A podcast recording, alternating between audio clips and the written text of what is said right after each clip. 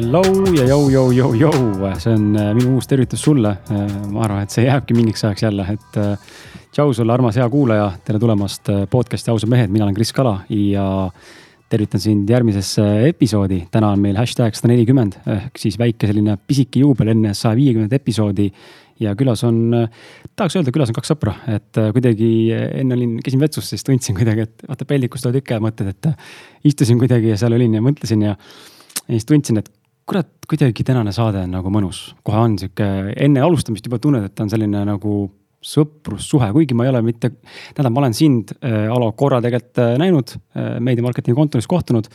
ja Toomas, sinuga tutvusime tegelikult üks, ma arvan, kümme pluss aastat tagasi põgusalt, ma ei tea, kas mind mäletad, aga, aga äh, tegelikult oleme sinuga tutvunud ka, aga suhelnud tegelikult teiega ei ole äh,. mis on tegelikult äge, aga tunne on selline, et täna istun äh, kahe sõbraga stuudios, nii et äh, aitäh, et jagate sama energiat minuga siis ja aitäh kutsumast. aitäh kutsumast ja, ja, ja enne kui enne sõnana ma natukene eh, tutvustan ka teid, aga, aga enne tutvustust ma loen sisse ka mõned eh, üksikud sellised äh, tähtsama punkti, mis ma siin tahan kuulajatele edastada, et esiteks täna on meil seitseteist, vabandust, viisteist juuli, saade tuleb välja seitseteist, et kui seda reedel kuulad, siis väga tubli, aitäh sulle. et sa õigel päeval kohe jaole saad ja oled valmis seda kuulama, et vähem kui kahe nädala pärast on tulemas meil ausad mehed nii-öelda kolmas siis, neljas, sõltub, kuidas me võtame, aga ütleme kolmas äh, suur live podcast salvestus koos äh, Eesti nõutuima ja hõivatuma hüpnoterapeudi Ants Rootsasega ja piletid on alles ainult, ma täpselt praegu ei oska öelda sulle palju, aga ütleme niimoodi kuskil kakskümmend viis kuni kakskümmend tükki või kakskümmend kuni kakskümmend viis, siis on alles pileteid. nii et ma soovitan sul tungivalt,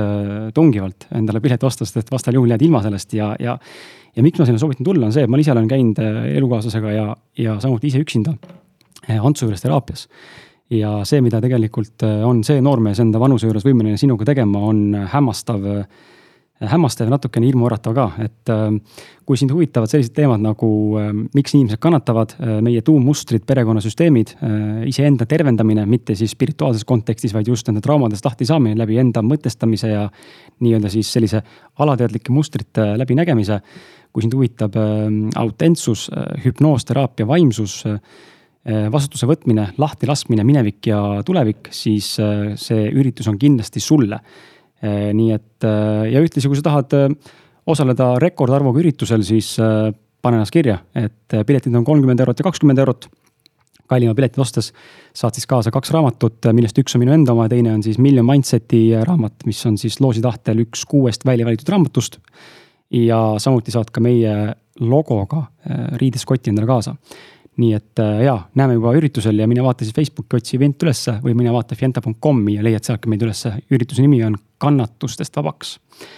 ja veel ma tahan öelda seda, et äh, täna, tänan ka Ahtit, kes istub, istub siin kõrval mul usinasti niimoodi äh,. Maraton stuudio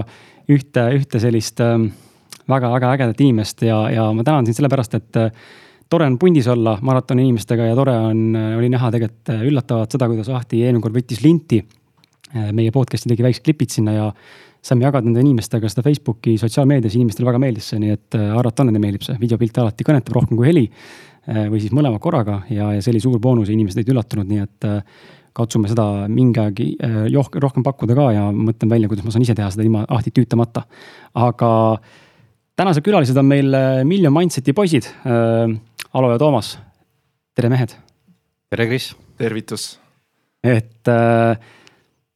kui sa, armas kuulaja, ei tea, kes on Million Mindset või, või millega nad tegelevad või kes on Alo ja Toomas, siis äh,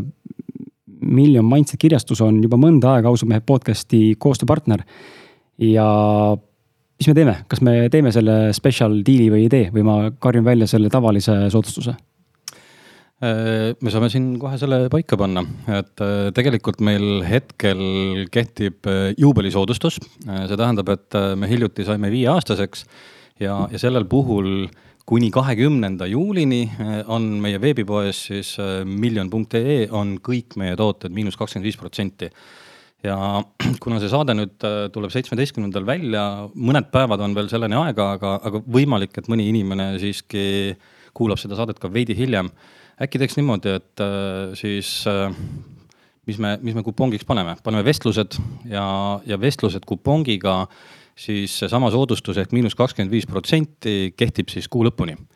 ja, ja kuna me tuleme ka live äh, laivsalvestusele, kannatustest vabaks salvestustele või salvestusele, et ilmselt me siis hõikame sealsetele inimestele välja ka ühe soodustuse, aga, aga selle jätame siis üllatuseks siis juba koha peal. ja teeme niimoodi, ma panen endale kirja ka ja, ja niimoodi siis jääb, et äh, teinekord on meil laivi puhul. nii suurepärane, enne kui äh, sõna annan teile, lähme väikese sissejuhatuse juurde meie mõlema kohta. Äh, tänane saade on selles mõttes minu jaoks keeruline, alati kui on kaks külalist, siis on mõneti keerulisem kui ühe inimesega vestelda. pean suutma ennast mõlemale jagada ja mõlema kaasa mõelda ja mõtestada. nii et anname parimat täna mul laua, laua, täna mul saates lauaastas istumas kaks meest, Alo, Alo Tammsalu ja Toomas Väli, kes koos oma siis sõprade Eve Kaunis ja Riin Ponderiga veavad kirjastus Million Mindset'i, mis on ühtlasi ka, nagu ma ütlesin juba saate alguses, ausad mehed podcast'i üks koostööpartneritest, toetades siis meie külalisi nende poolt kirjastatud väärtuslike raamatutega ja täna olete te mulle toonud siia siis sellised raamatud nagu James Alleni Äh, raamat Nagu inimene mõtleb, Hal Elrodi raamat Imede valem. Meil on Burke Hedgesi raamat Mõistujutt torujuhtmest ja meil on siis ka Keith Ferrasi raamat Ei ühtki einet üksi. Ja neil on tegelikult veel väga palju erinevaid raamatuid, mida tasub lugeda Alo siis, kes on Alo? Alo Tammsalu kirjeldab ennast tasakaalu ja harmoonia loojana, samal ajal suur vaatleja. kui ta varem kuulas rohkem mõistust, siis täna pigem enda südant. enamik tema tegevusi ja otsuseid läbi elu on tuginenud sarnastele väärtustele. Alo edu valemiks on äh, läbi omakasu püüdmatu, austava ja tunnustava suhtlemise tuua teistes välja nende väärtused, tugevused ja motivatsioon. Alo kaotas mõlemad oma vanemad üsna noores eas ja sellest me kindlasti natuke räägime ka, et tegelikult see on üsna sihuke huvitav teema, et äh, pikalt ei peatu, aga kindlasti tahame kuulda, mismoodi see inimest mõjutas. ülikooli ajal töötas äh, mitu aastat vabatahtlikuna päästjana, sest ta oli selle ameti suur fänn, mis viis lõpuks selleni, et äh, kooli lõpetades sai temast päästekomando pealik. kahekümne seitsme aastasena kutsuti Vabariigi Päästeameti peadirektori asetäitjaks, vastutama kõikide reageerivate valdkondade ja kommunikatsiooni eest näiteks nagu tuletõrje, päästetööd, demineerimine, sõjaväestatud päästeüksused ja häirekeskus karjääri jooksul on teda autaustatud pääste kõrgema autasuga suur kuldrist ning samuti presidendi poolt Eesti Punane Risti kolmanda klassi ordeniga. ja kes veel ei tea, mina ka ei teadnud, kusjuures pidin guugeldama. Äh, kes veel ei tea, siis äh, selle ordeni puhul on tegemist äh, tõesti päästevaldkonna inimestest ühe kõrgema saavutusega mingist hetkest mõistis Alo, et selliselt ainult teistel elada ei ole võimalik ja hakkas tegelema enesearenguga, lahkus palgatöölt, astus välja esimesest abielust ning rajas Eesti Toitumisnõustamiskeskuse. sellele järgnes lõpuks koos sõpradega Million Mindseti kirjastuse rajamine. ja tänane teine külaline on meil Toomas Väli, kes on lõpetanud Tartu Ülikooli ajaloo ja sotsioloogia erialal. töökogemusi on ta saanud Estonian Airis, Balti logistikas Lux Expressis, läbivalt oma elus panustanud karjäärialasse müüki ja turundusse alates kaks tuhat üheksa aastast sukeldus ettevõtlusesse, ta tõi, ta lõi oma esimese ettevõtte ja alustas kaubandusega. Toomas on viimased viis aastat Paradise Finest Food OÜ eestvedaja. peamisteks oskusteks hindab Toomas endal müüki ja läbirääkimisoskust. ta on loonud müügivõrgustiku, kus nende tooteid müüb circa kolmsada poodi üle Eesti peamine isiklik väljakutse Toomase jaoks on täna see, et kuidas jagada end töö ja enda pere vahel. aasta kaks tuhat viisteist koos Aloga sai siis rajatud kirjastus Million Mindset, mille eesmärgiks on anda välja enesearengu raamatuid, mis tõstavad inimeste oskuseid ja teadmisi, et viia nende elu järgmisele tasemele, nii et äh, mehed, teie töö täna on siis äh, juba siin viimase lausega öeldud, te peate viima meie kuulajate elud järgmisele tasemele. Ja kui see vähemaga peab lõppema, siis, äh, siis see saade siin ilma algust ei näe. Eks, eks nii tuleb teha. ja, ja see on kindlasti ka meie üks niisugune suurimaid missioone ja eesmärke, et miks see ettevõtmine äh, üldse alguse sai, et eh, eks me või saate jooksul veidi räägime sellest eh, täpsemalt ka, et, eh, et, mis initsieeris selle mõtte, et. paneme kohe, see on küll mul tegelikult järjestiku mõttes peaks olema saate lõpus, aga paneme kohe, sest et tegelikult see on praegu just teemas, räägime. räägime Million Mindset'ist ja, ja miks te üldse sellise asja koos tegite ja, ja, ja või, või alustaks, ühendame, kus te tutvusite ja kuidas jõudis Million Mindset teieni? Äh, ja et no võib-olla räägiks siis selle loo, kuidas ähm kuidas me seda Million Mindset'i alustasime, et äh, meil kõigil on oma lood, aga need kuidagi jõudsid ägedalt kokku. noh, minu lugu hakkas nii pihta, et läksin reisile ja siis äh, mõtlesin, et mis ma seal ainult sukeldun ja, ja päikest võtan, et äh, võtaks ühe hea raamatu kaasa. võtsin riiulilt ühe täiesti ettejuhtuva raamatu ja ja siis, kui sa seal rannaliival võtad selle lahti, loed ja no teate seda tunnet, et alguses nagu ei saa kuidagi seda kätte, aga kui sa juba vedama saad, siis ei saa seda käest ära. ja see raamat oli Babyloni rikkaim mees inglise keeles, aga kuna ta oli nii keerulises arhailises inglise keeles, aga ta oli nii kuradi hea raamat, siis ma mõtlesin, et et selle peaks küll kuidagi eestlasteni lähemale tooma ja, ja iga õhtu ma jutustasin oma kallile elukaaslasele siis ühe peatüki ja me õhtusöögilauas arutasime eluolu ümber. see on väga hea raamat, mis mitte ainult ei räägi kuidas rikkust luua, vaid kuidas üleüldse oma eluga hakkama saada. ma korra segan vahele, kas ja. ma ei ole seda lugenud, mul on huvi lugeda seda, aga ta on mul ootejärjekorras, mul on reaalselt mingi kolmkümmend raamatut vist sel aastal pandud eesmärgiks lugeda, aga ma pole ühtegi lugenud veel, pean tunnistama, kuidagi täitsa niimoodi, et ei suuda lugeda see aasta. aga kas see raamat on sarnane Robin Sharma võib-olla mingi Munga loole või, või mingisugune teisele, et seal on nagu selline illustratiivne mingisugune story või, või seal on nagu ikkagi elust ehes, enesest või, või?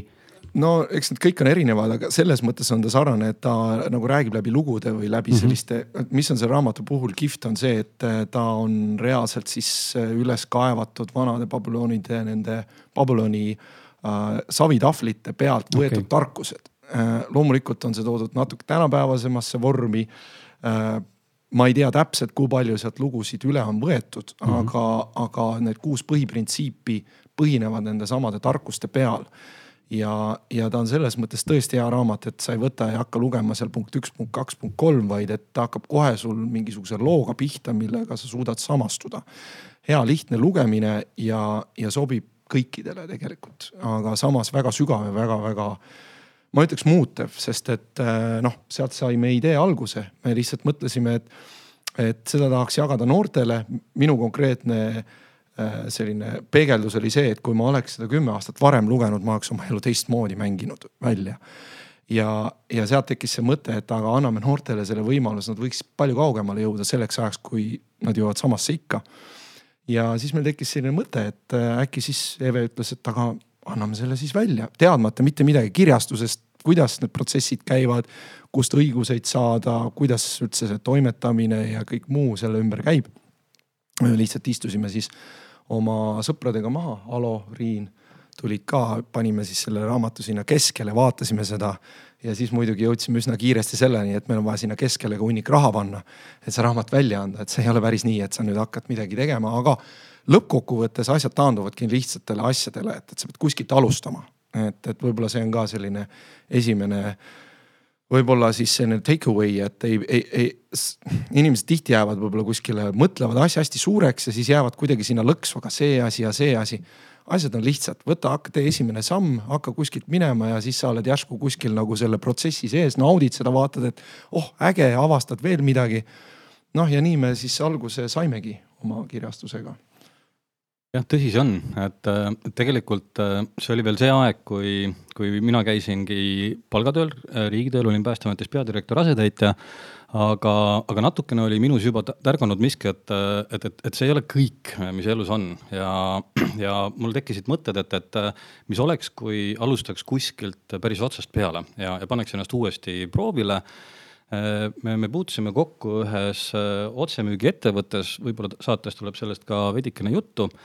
ja, ja oli paaril sihukesel koolitusel, kus ma panin Toomast tähele ja, ja minu mõtted olid see, et äh, kui ma ühel hetkel äh, peaksin looma oma ettevõtte, et siis ilmselt oleks Toomas see mees, keda, keda ma tahaks enda ettevõttesse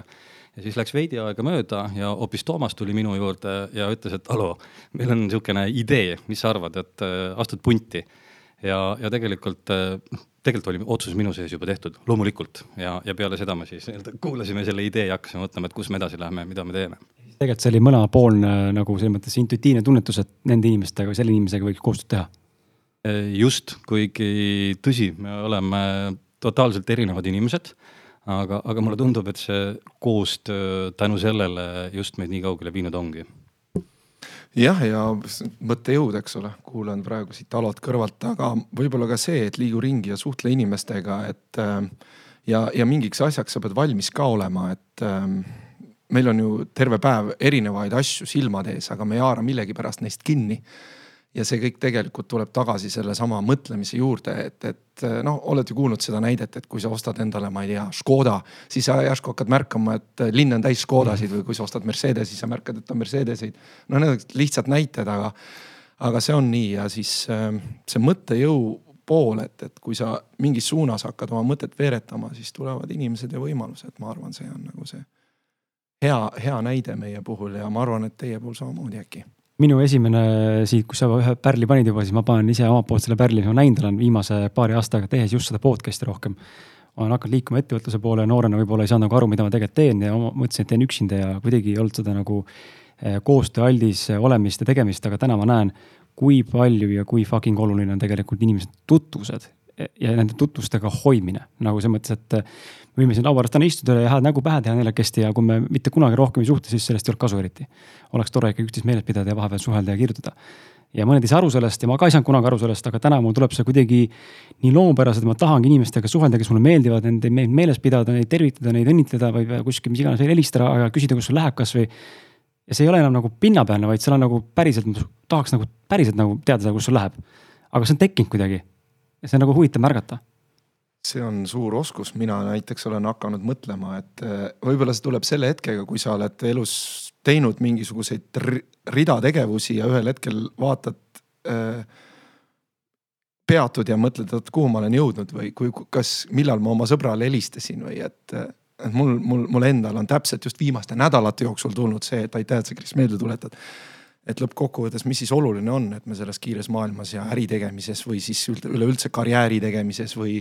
või ma ei tea, oma missioonis unustame tegelikult inimesed enda ümbert ära, et aitäh, et sa meelde tuletad jah, siit sellest mõttejõust äh, mulle meenub siit äh, lugu, kuidas meie, Kris, kohtusime et äh, ma olin juba mõnda aega, noh, tegelikult üsna algusest peale ausad mehed podcast'i kuulaja ja, ja mul tekkis ühel hetkel pähe mõte, et, et see on podcast, kellega võiks Million Mindset koostööd teha. et kuidagi sarnased nii-öelda väärtused ja, ja missioon on aga, aga ei tekkinud seda kättevõtmist, et ma küll mõtlesin, et ma kirjutan sulle, aga noh, nii palju on igasuguseid tegevusi ja, ja ühel hetkel, see vist oligi jaanuar Äh, ega ma täpselt ei mäleta, äh, läksin siis sinna meediamarketingi kontorisse, vajutasin kella ja ukse peale astus mulle vastu Kris. et äh, just seesama mees on ju, et keda ma olin mõelnud, et, et nüüd lähiajal ma temaga ühendust võtan, on ju, ja, ja seal ta oli ja, ja vist juba järgmine päev äh, olime vahetanud äh, sõnumeid ja, ja see koostöö saigi alguse. et näed, mõttel on jõud. Aga tuleme siis selle kirjastuse juurde, et äh, nagu miks just sellised raamatud? miks, äh, miks just äh, nii-öelda eneseareng või, või selline mental toughness või, või just nagu see vaimne või mõtteviisi pool, et äh, elus on ju palju nii muud, mida tegelikult teha, olgu siis tegeleda suhetega või, või tegeleda ainult rahaga, tegeleda tervisespordiga või. miks peab üks inimene teie raamatut lugeda või tähendab, keegi ei pea, eks ole, aga miks võiks teie raamatut lugeda ja miks võiks inimene tegeleda üldse enesearenguga, kes ei ole varem kokku puutunud sellega. tõenäosus, et keegi varem pole kokku puutunud sellega, on üsna väike täna, ma arvan juba aga, aga ma arvan, et kui ma olin kümme-viisteist aastat tagasi, siis oli päris palju, siis oli see veel nagu lapsekingades, täna niimoodi, et kõik midagi juba kuskil praktiseerivad, teevad, aga siiski. just, et äh, tegelikult on, on see ju väga lihtne, et, et kui sa tahad äh, jõuda kaugemale punktist, kus sa täna oled, äh, see eeldab sinust, sinult arengut ja, ja selleks ka need enesearengu raamatud, et sa ütlesid väga õigesti, et, et keegi ei pea neid lugema aga, aga ma vähemasti soovitan küll alustada mõnest äh, lihtsamast enesearengu raamatust ja ja mina võtan seda kui kerget ja lihtsat võimalust saada kellegi elukogemus. Et äh, tegelikult neid raamatuid kirjutavad inimesed, kes on kuhugimaani jõudnud, kellel on mingisugused ideed või, või mõtted, mida ta on setitanud siis kas terve elu jooksul või poole elu jooksul ja, ja mul tekib võimalus siis kas paari tunni, päeva või, või nädala jooksul saada endas äh, see elukogemus. ja selle kohta on ka öeldud, et, et kui sa loed läbi ühe raamatu vastavast valdkonnast, et, et siis sa saad teada autori arvamuse, loed sa neid läbi kümme, saad teada valdkonna arvamuse ja loed sa neid läbi seal kakskümmend või viiskümmend tükki, sul tekib oma teadmine, sa hakkad elama seda elu ja, ja ühel hetkel äh, sa võib-olla ei tabagi, et, et ma käitun teistmoodi, ma, ma teen teistsuguseid otsuseid ja, ja ma olen jõudnud sinna, eh, millest ma olen unistanud võib-olla kümme aastat. Ja, ja need, nendes raamatutes on tegelikult retseptid, eh, retseptid selle tulemuseni jõudmiseni. iseasi on muidugi, et kui täpselt sa neid retsepte järgid ja, ja, ja kui kui järjepidev sa oled, sest et kindel on, on see, et äh, toiduretsepti puhul sa saad selle toidu valmis äh, võib-olla seal mõnekümne minuti või, või tunni-paariga. aga, aga need ei toimi sellise nii-öelda paari päeva jooksul et, et neid retsepte sa pead järgima päevast päeva, nädalast nädalasse ja siis on kindel, et sa sinnamaani jõuad et ehk nii-öelda saavutada see iseenda parim versioon, et meil kõigil on omad unistused, omad eesmärgid. ja, ja ma väidan, et neid raamatuid lugedes sa saad teada justkui need nagu võtmed või, või nipid ja, ja mitte ka vähe oluline, et, et selle motivatsiooni, et, et see on võimalus kindlasti peab rõhutama siin, sorry, segan korra vahele, kindlasti peab vist rõhutama seda ka, et asi, kuhu ma ise olen astunud ämbrisse nii-öelda, et paugutad hunnik raamatuid läbi, loed, loed, loed ja aga see execution pool nagu jääb nagu tahaplaanile, et tegelikult tuleks ikkagi praktikasse viia võimalikult palju, sest vastasel juhul läheb see ühest sisse, teisest välja. aga kusjuures see on nii ja naa, selles mõttes olen nõus, et see on jah, sa võid võtta ühe raamatu ja sealt võtta maksimum välja, aga mida juhtub harva. aga sa, kui sa loed raamatuid, sa saad mingi tüki sealt kätte ja sa ei pane tähele, kuidas sa hakkad seda vaikselt oma ellu rakendama. ja see ongi see, me ei näe iseennast kõrvalt, kui me keriks tagasi ennast viis aastat või kümme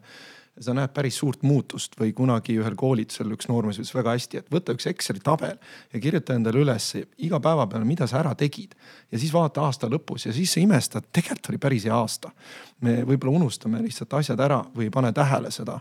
sama raamatute lugemisega, sa tüki siit, tüki sealt ja võib-olla kunagi Brian Tracy on öelnud, et üks seminar võib muuta sind miljonäriks. aga see on täpselt see üks tükk, mis sul oli puudu, et see mosaik kokku tuleks ja siis sa näed kogu seda pilti aga me võime vaadata ka niimoodi, et ma just enne siia sisse astudes äh, Markoga paar sõna, Marko Ologa, kes ka siin selle, äh, selle äh, kontori asutaja juures on, kus me seda podcast'i teeme, tema ütles, et rääkisin paar sõna ja, ja ütles, et oh, ma vaatan, te annate neid erinevaid raamatuid välja, siis ma ütlesin talle, et näed, just tuli see James Alleni nagu inimene mõtleb, me oleme kakskümmend viis aastat või palju me iseseisvad oleme juba Eestis, rohkem, peaaegu kolmkümmend, eks siis äh, ja seda raamatut pole siiamaani välja antud eesti keeles, et kuidas see võimalik on, et me oleme, me räägime sellisest klassikast, millest tsiteerivad maailma tipud, mille peale Anthony Robbins, kes on maailma kõige kuulsam koolitaja, on üles ehitanud enda koolituse põhialused. väga lihtne väike õhuke raamat, paarkümmend lehekülge, aga seda pole keegi välja andnud. aga see ongi päriselt äh, originaalis ka nii väike või? ja nii ongi, see okay. ongi originaal ja, ja, ja, ja ära nagu lase ennast petta selle raamatu väiksusest see sisu on puhas kuld ja, ja üle maailma kõik suured koolitajad, ükskõik mis noh, miljonid inimesed on lugenud seda ja, ja tuhanded tsiteerivad. et kuidas on, et meie, meie iseseisvus Eestis pole seda välja antud, noh, võime ka nii vaadata, et nats selline missioonikas ka. aga mingi hetk sa protsessis oled sees ja siis sa hakkad juba nautima ja siis tekib see mängu ilu ja kõik muu sinna juurde, nii et noh, nii me siia oleme jõudnud huvitav asi, mis teie puhul on, mis mind huvitab, te teete seda neljakesti ilmselge on see, et teie olete erinevad ja, ja samuti ka siis naispartnerid on tegelikult omavahel erinevad ja teie ka veel erinevad tõenäoliselt. Ähm, ma ise astusin äh, sellesse sarnasesse olukorda, millele ka küsimus on ehitatud äh, üks kolm-neli kuud tagasi, kus ma nägin, et tähendab, nägin, tegelikult nägin varem, aga ma tegin otsuse, et enam niimoodi jätkata ei saa. me tegime koos Martin Pukspuuga seda saadet kunagi, Martinit enam ei ole siin ähm, ja, ja me nägime, et mõlemal on erinevad ambitsioonid tal üldse puudus, mitte üldse alustavalt, aga tal puudus ambitsioon selle asja näol. tema kujutas ette, et see saabki olema selline põlve otsas tehtud äh, projekt, kus äh, korra kuus võib-olla teen, kui tuju tuleb, mina tundsin, et siin on vaja kütta iga nädal vähemalt üks saade. ja siit kasvab midagi väga suurt äh, võib-olla viie aasta jooksul. ja, ja kuidas nagu teha siis nagu selles mõttes sellist koostööd, kui on tõesti erinevad inimesed. eriti veel teie puhul, kus tehakse neljakesti, et kuidas siis nagu esiteks osalust jagada, kuidas saada aru, mis on kellegi ambitsioonid millist väärtust keegi sinna loob, kuidas tasakaalustada neid väärtuseid, kuidas vältida konflikte, kuidas jagada raha nii-öelda või iga, neid küsimusi on palju. oi, sul on jah palju küsimusi. kuidas nagu nelja, kuidas kuidas nagu viia organisatsioon järgmisele tasemele mitmekesti? hakkame, noh, millisest küsimusest pihta hakkame, ma räägiks oma näite ka, et kunagi ma alustasin selle Paradise Finest Foods'iga ühe oma hea tuttavaga äh,, võiks öelda isegi ka sõbraga ja, ja vaat tekkiski see olukord, et ühel hetkel sa oled lahkteel ja äh, miks ma sellest äh, selle näite toon, et meil oli vaja kiirendamiseks raha kaasata ja, ja tema ei olnud äh, valmis äh, seda riski võtma. minul ilmselgelt oli vaja seda riski võtta, tal ei olnud lapsi, mul oli, ma tundsin, et ma pean kiiremini edasi liikuma, et kuskilt leivaraha saada äh,. Tal ei olnud seda pinget ja, ja me olimegi selles olukorras, kus ma ütlesin, et kuule, aga tule ka siis punti ja käenda seda samamoodi nagu mina. ei, seda ma ei julge teha. aga samas ettevõttest ei taha välja astuda, sest ta näeb, kuidas me nagu areneme edasi. ja mis sa teed siis selles olukorras, eks et äh, ma arvan, et me lahendasime selle olukorra tol hetkel suhteliselt hästi, me tegime, no ma toon konkreetselt step by step näited, ma loodan, ta ei pahanda selle peale, see on minu meelest mina olen ise uhke selle näite üle. me läksime üsnagi sõbralikult lahku või läksimegi sõbralikult lahku, kuigi tagantjärgi võib tal ikkagi olla mingisugune väike juurikas sees, sest et vaata noh, ma ei tea, kas see on kadedus või, või ikkagi mõtled, kus ma oleks võinud olla, kui ma oleks läinud kaasa. see on inimlik, eks. aga me lahendasime selle olukorra niimoodi, et ma ütlesin, et okei okay,, kui sa ei taha nagu nii kiiresti edasi liikuda, siis on meil kaks võimalust, eks ostame su välja, noh, mis on muidugi see on kõige lihtsam lahendus ja siis on alati see ostu, müügi ostuhind, mis kunagi ei klapi, eks. Äh, see ei ole tegelikult noh, lõpuks ka noh, võib-olla mingites suurtes tehingutes on lahendus, kui me räägime väikestest ettevõtetest, siis see ei ole kunagi hea lahendus, sa ei leia kunagi õiget hinda. siis me tegelikult tegime selle nii, et me ütlesime, et davai, et äh, me oleme teatud brändid võtnud. sina oled teatud brändid soovitanud, ma maksan sulle nende brändide pealt royalty't nii mitu aastat sa lihtsalt teenid niisama minu töö pealt, see on minu aitäh sulle selle eest, et kui sa ei julge seda riski edasi võtta. me maksame sulle väikese väljaosturaha, see oli sümboolne. ja lisaks sellele meil on variant ka see, et sa saad teatud brändid endale üldse, teatud brändid ma jätan endale. nüüd valime, millised, õigluse alusel. Neid leidsin mina, neid leidsid sina. Nende, neid ma ei puutu, palun tegele ise nendega edasi nendega tegelen mina edasi. ehk siis see tegelikult jaga ja valitse põhimõte, noh vana Saalomonlik, kust, kuidas sai Saalomon nii kuulsaks, eks ole. tegelikult need põhimõ-, iidsed põhimõtted on olemas. aga võti selles on see, et sa ei tohi ise minna ahneks, sa pead tõusma natuke kõrgemale, vaatama ülevalt, mõtlema jälle selle peale ette. et seesama inimene võib sulle kolm aastat hiljem tulla sama teise nurga tagant välja ja siis võib sinul teda vaja olla. aga nüüd, kui sa suhte oled pekki keeranud, et et, et ma katsusin leida võimalikult õiglast lahendust, võimalikult siiralt vaatasin otsa, rääkisime asjast. Kui me räägime nüüd Million Mindset'ist, siis äh, vot see on natuke müstika mulle ka, ega ma arvan, et äh, me, meil ei ole olnud selliseid mingeid äh, suuremaid tülisid, eks. loomulikult on meil erinevad ambitsioonid, loomulikult me tajume aeg-ajalt, et keegi tahaks natuke, ma ei tea, rohkem teiste panustamist ja, ja nii edasi, aga kuidagi nagu selliste kultuursete inimestena me oleme rahulikult selle kõik läbi rääkinud noh, kas see on ideaalne, ei ole äh,. ega meil on ka küsimusi, kuidas nagu minna järgmisele tasemele ja me nüüd istumegi maha järgmine nädal ja hakkame arutama seda veel sügavamalt läbi, et. Äh, et äh, noh, ma ei tea, me võime ka tehniliselt rääkida, et alati saab rollid ära jagada, ma võib-olla ainult ühe hetke võtaks veel ja tooks selle näite, kui sa küsid, et kuidas ettevõtet alustada õigesti nii, et sa kohe pekki ei keera. Kunagi jällegi oma kogemuste pealt tegin ühe koolituse äh,. lihtsalt panin selle pealkirja lihtsalt nii, et äh, kuidas alustada ettevõtet äh,. seitse viga, mida vältida, kümme tuhat eurot, mida kokku hoida. ma lihtsalt mõtlesin, et äge pealkiri. tegin päevase koolituse ja jagasin lihtsalt kõik oma kogemused välja, ma ei tea, kolmekümne, neljakümne euro eest. lihtsalt tahtsin teha ühe ägeda päeva. ja üllatuseks tuli päris palju inimesi kohale ja siis ma tõin ühe konkreetse näite äh, mida enamik ettevõtjad ei tea ja mida ma soovitan alguses kohe teha seda nimetatakse vesting lepinguks, võib-olla nüüd juba teatakse sellest rohkem. vesting leping tähendab ju, me teame, mida see tähendab. viis aastat tagasi kõik vaatasid sulle otsa, isegi täna enamik, kes alustavad, vaatavad sulle otsa, mis asi see on. no põhimõtteliselt tegemist on sellega, et jaotatakse rollid ära ja pannakse aastane või kahene nagu benchmark või siis selline piirjoon. ja öeldakse, mis siis pärast seda aastat või kahte kellegi panus on olnud. ja vastavalt sellele siis jagatakse nii-öelda siis osalused tagantjärgi ümber aga need asjad peavad olema lepingul või kirjas, noh, see on kõige lihtsam seletus sellele. et meie seda muidugi ei teinud, tavaliselt tullaksegi kokku, okei okay,, kahekesi fifty-fifty ja siis oled pool aastat hiljem selle küna ees. sina rabeled, teine pool ei viitsi teha, onju. ja siis tekib õigustatud küsimus, et kuulge, mis see nüüd siis nüüd on, onju. et eh, noh, mis siis aitab ikka kommunikatsioon, istud maha, jälle need läbirääkimised või siis lepid kohe alguses kokku, rollid on sellised, sinu roll on see, meie ootused on sellised ja on isegi olemas sellised äh,, netis on olemas lausa selline tabel, mida sa saad täita, kus sa paned linnukesi, kes teeb mida, kui palju ja siis vastavalt sellele tabel ise arvutab välja, okei okay,, sinu osa on kaheksateist protsenti ettevõttes. okei okay,, sinu osa on viiskümmend kaks. et äh, guugeldage, te leiate üles. et noh, sellised abivahendid on päris head jah jah, nii nagu Toomas siin ka korra mainis, et ega ta lihtne ei ole, et äh, ka see viis aastat praktikat äh, aeg-ajalt ikka, nii nagu sa just ka mainisid, et, et tekib see tunne, et äh, et, et keegi teeb rohkem või keegi teeb vähem. Ja, ja meil need osalused ongi jagatud kakskümmend viis, kakskümmend viis, kakskümmend viis, kakskümmend viis. Ja, ja täpselt niimoodi meil siis ka need väljamaksed toimunud on, on ju aga mina olen püüdnud äh, mõelda niimoodi, et noh, meil on kõigil omad tugevused äh,. Neid, neid tugevusi ja, ja panuseid äh, ei ole lihtne mõõta, on ju, et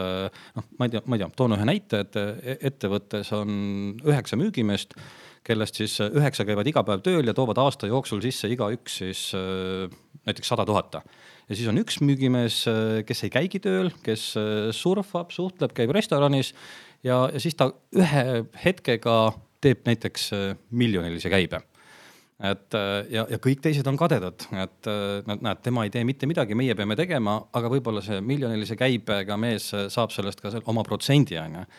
et noh, seda on jube raske hinnata. Ja meie enda tegevuse puhul ka, et, et kui sa jõuad selle mõtteni, et okei okay,, et ma ka siis ei tee, sest tegelikult siis kaotavad kõik ja kaotad ka sina. Kui mina teen, võidavad kõik ja võidan ka mina, mis on ilmselgelt rohkem kui siis, kui ma ei oleks teinud et, äh, et noh, ikkagi mõtled niimoodi, et, et justkui ma oleksin siin üksinda, kas ma siis teeksin seda? jah, ma teeksin, aga mis mind takistab siis teha äh, nüüd koos teistega, sest et äh, ühel hetkel on võib-olla kellelgi teisel natukene rohkem aega või, või tekib mingisugune hea panus ja võimalus, siis teeb tema palju rohkem kui mina et, et noh, kui see, see mõtteviis mulle, mulle tundub, et vähemasti mind on aidanud. aga, aga olgem ausad, eks me kõik kipume ennast üle hindama, teisi alahindama ka, eks, onju, et siis ikka, et oh, mina teen ju kõike, mis teie nüüd teinud olete, sa tihti ei näe seal taga oi, kuidas ma olen väga hea näide, Alo, sinu poolt, surfab internetis, teeb seal, aga tegelikult sa ei tea, ta kogubki infot, ta enda jaoks panebki seda pilti kokku, kuidas selle miljoni tehingu ära teeb. tänapäeval ammu enam ei tehta tööd ainult kontoris, sa oled jõusaalis, sul tuleb hea idee. küsimus ei ole selles, kui kaua, kus sa istud või kuidas sa mõtled. Ja, ja ma tooks võib-olla veel ühe sellise näite, me räägime küll ettevõtlusest, aga see on hea näide minu meelest, et kuskil, ma ei tea, mis X kohas kellegiga laua taga me arutasime selle üle, et et kuidas nad ühte müügimehesse investeerisid seal ikkagi nagu väga pikalt, eks ole, ja, ja ta tegemist oli ilmselgelt selline detailide inimesega, kes ei olnud noh, ta oli kinnine inimene, ta ei olnud suhtleja, me kohe mõtleme, et head müügimehed peaks olema justkui nagu avalad suhtlejad mm,. mitte ainult, tegelikult parimad müügimehed võivad olla introverdid. ja see tüüp äh, tegigi endale pikalt seda valdkonda selgeks, aga see ähm,, äh, see nende kannatus tasus ära kaks aastat hiljem, kui oli näha, kui detailselt tehniliselt ta müüs. ja ta tegi nagu ammu kõigile nagu silmad ette. et, et vahel on vaja lihtsalt seda kannatust ja noh, nagu suhtes on ju, mõtled küll, et seal oled karjamaale, tahaks marjamaale, aga tegelikult sa ei, võib-olla ei märka, kui hea inimene sul kõrval on. või et siis, kui sa lähedki ja, ja löödki risti ette ja astud välja, siis hiljem mõtled, et ma ei tea, kui palju neid suhteid on, kes mõtlevad, tegelikult see oli viga, onju. võib-olla ei oleks pidanud, see ei olnudki päris nii, nagu ma ette kujutasin. peaks hindama neid inimesi, kes meie ümber on ja natuke võib-olla realistlikumalt mõtlema ka, et et, et võib-olla see panus ei olegi nii väike, mida teised ka panevad. väga hea näide, Alo, ise tuleb liidriroll võtta tegelikult suhtes samamoodi, kuigi ma ütlen, et ma pean siin ka õppima jälle, eks ole, sukeldud töösse, unustad oma suhte, aga võta ja vea, siis teistel hakkab hoopis see teine tunne, et vaata, teeb nii palju, ma tahaks ka rohkem, eks, panustada aa ei tea, nüüd ma nüüd sattusin hoogu siin, hakkasin tead. väga hea, hoogu sattumine on siin saates lubatud. Ehm, ja te, lähme, tahan jätkata ettevõtluse lainel ja, ja ärilainel, et te mõlemad olete tänaseks või noh, nüüdseks äh, maininud äh, siin saates otseturundust, võrkturundust, MLM-i, kuidas keegi iganes nimetab on ka koledam nimetusi nagu on püramiidskeem, aga seal on kaks eri asja. mida inimesed täna miskipärast ei suuda kuskilt aru saada ega välja selgitada, mis nende erinevus on, aga seal on erinevus. et äh, räägime võib-olla natuke sellest ka, et miks, miks te olete mõlemad otsustanud äh, otseturundusega tegeleda, otseturundust kogeda ja, ja mida see on õpetanud ja, ja milliseid müüte see kõige rohkem teie enda jaoks ümber lükanud on, sest et mina mäletan, kui ma sellega kunagi alustasin ja proovisin ja ma olen vist neljas erinevas ettevõttes olnud. Pole läbi löönud. seal võib-olla, ma ei tea, mis seal siis äkki saate jagada ka, et kui edukad te olete olnud, ma ei tea, aga mina näen, et võib-olla see ei olnud siis minu jaoks see valdkond. võib-olla polnud piisavalt hea toode, millesse ma ise usuksin, ma ei tea. või lihtsalt olin ma sitt müügimees, ei osanud lihtsalt ideed maha müüa. aga, aga ma näen, et, et on inimesi, kes sellega väga hästi hakkama saavad et võib-olla räägi, äkki, äkki räägime natuke sellest ka, mis on see võrk ja, ja miks te seda üldse valisite jah, et äh, see on jah, niisugune huvitav küsimus, et äh, tollel ajal, kui see idee või teema minuni jõudis, oli ka minul teadmised sellest kui nii-öelda püramiidskeemist või ütleme nii, et, et tal ei olnud head mainet, aga, aga mulle on meeldinud vaadata asjade taha, et, et mitte teha oma otsuseid niisuguse esimese info või, või pealiskaudse info pealt. Ja, ja eks ma siis hakkasin guugeldama ja surfama, jõudsin ka kõik need leheküljed läbi lugeda, mis ütles, et, et tegemist on, on skämmi, scrap'i ja, ja millega iganes. Aga, aga ma nägin seal taga ka seda nii-öelda toimivat ideed ja, ja ilmselt sellel hetkel, kui ma selle otsuse olin teinud, olin ma selle enda jaoks juba täiesti läbi mõelnud, et, et mis on need vead, mida ma teha ei tohi ja, ja mis on äh, need, ma ei tea, kas omadused, aga võib-olla just tegevused, et äh, mis aitab mul läbi lüüa ja, ja jah, ma ei mäletagi täpselt, et millal see nüüd oli äh,. alustasingi ettevõttega Sinsino, äh, kes siis äh, turustab tervisetooteid ja hästi oluline on, on sul seesama, nii nagu sa ütlesid, et, et sa võib-olla ise ei uskunud seda, seda toodet et äh, mina tegin selle otsuse sellel hetkel või, või peale seda, kui ma nägin, et, et see päriselt töötab. Äh, see on mind aidanud, äh, minu sõpru-tuttavaid ja, ja, ja see toode oli selline, mida ma oleks soovitanud ka siis, kui ma ei oleks mitte kuidagimoodi selle ettevõttega seotud olnud, on ju aga, aga tegelikult selline otsemüük ei, ei ole mitte midagi muud kui ühe ettevõtte poolt äh, toodete müümine, aga ta teeb seda veidi teise skeemi alusel, et, et tal ei ole otseselt oma töötajat, oma kontorit, oma, oma poode, vaid äh, ta maksab äh, teatud boonust äh, käibe pealt, reaalse müügi pealt siis nendele inimestele,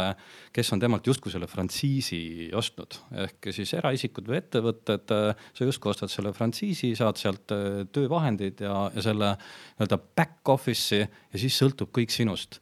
ja, ja miks inimesed fail ivad? Fail ivadki seetõttu, et, et siis sõltub kõik sinust, et sinu enda oskustest, kui palju sa oled valmis välja tulema oma mugavustsoonist, kui palju sa oled valmis õppima ja, ja arenema. ja, ja ühel hetkel tegelikult, et sul hästi läheks, sa pead justkui asutama oma ettevõtte, et seda kõike edasi andma ja nüüd tuleb mängu inimeste juhtimine ja, ja see on kuramuse keeruline asi, et sest, et on väga palju erinevaid inimesi Äh, ja äh, selle puhul on ka see, et, et kui on tavatöötaja, siis ta panustabki kogu oma aja sellesse ettevõttesse. sellise otsemüügi puhul sa üldjuhul saad võimaluse teha seda muu asja kõrvalt ja, ja sa tunned ennast ebamugavalt ja siis see jääb. et, äh, et, et see on see, miks inimesed siis ebaõnnestuvad ja, ja tõsi, et ma täna väga aktiivselt ei tegele sellega kuigi ma viis aastat panustasin üsna kõvasti, jõudsin üsna kaugele, et eh, mina nägin ära selle hetke, kus eh, see nii-öelda sissetulek selle müügikäibe pealt eh, ületas oluliselt minu palgatöö, töötasu ja, ja, ja, ja seal on mul ka tänaseni sissetulekud, aga, aga ma tegin oma elus väikese muudatuse ja, ja ma tundsin, et, et ma, ma pean natukene tagasi tõmbama oma, oma ajaliselt, aga ta tänaseni toimib. ja kusjuures see on hea näide, et see, et sa tõmbad tagasi, ei tähenda, et sa nagu kaotad, on ju. Mhm. inimesed tihti nagu ajavad need asjad sassi ka, et ongi ju, et noh, igal pool on sul see, et sa võtad natuke rahulikumalt, ei tähenda, et, et sa ei, ei tegele sellega. minu, minu kogemus äh, hakkas lihtsalt sellest, et ma nägin ühte üliägedat tüüpi, kes, kes äh, nii kihvtit rääkis. mulle nagu kuidagi see nagu emotsioon meeldis, see idee meeldis. Äh, ja noh, nii lihtne see oligi, aga tõsi on see, et selleks on vaja kedagi veel. see ei ole ainult nii, et sa lähed kuskile, satud, mul oli hea sõber, keda ma usaldasin sada protsenti, kes oli minu mentor. mäletan, kui ta kirjutas lepingule alla, siis ta vaatas mulle otsa, ütles, Toomas, aeg on õige, koht on õige ja no mul ei olnudki muud vaja sinna. siis, kui me mõlemad alla olime kirjutanud, siis minust tärkas see ettevõtja vaim, et noh, kuule, kuidas, kes siis nüüd esimene on ja kuidas me nüüd siis seda hakkame tegema, et. aga ei, see oli noh, huvitav aeg ja huvitav algus. ma võib-olla tooks siit paar sellist ägedat nagu näidet ka enda elust, mis minu jaoks olid niisugused pöördelised, et ma sellega jätkasin, et ma lihtsalt entusiasmi pealt tegin, ega ma midagi ju sellest ei teadnud. noh, noor energiat oli, eks ole ja ma mäletan, et ega see algkoolitus mul ka selline suurepärane ei olnud, kuigi selles on see tugi on tähtis, tugisüsteem on tähtis, nii nagu igat asja, et edukaks saada äh, sul on vaja, äh, Kiyosaki on öelnud, et, et äh, sul on vaja mentorit. et, et ükskõik, mis valdkonnas sa vaatad, suured tegijad, neil on alati mentorid. ja mida edukamad, seda rohkem neil mentoreid on, lõpuks on mentor golfi mängimises, mentor suhetes, mentor teises ja kolmandas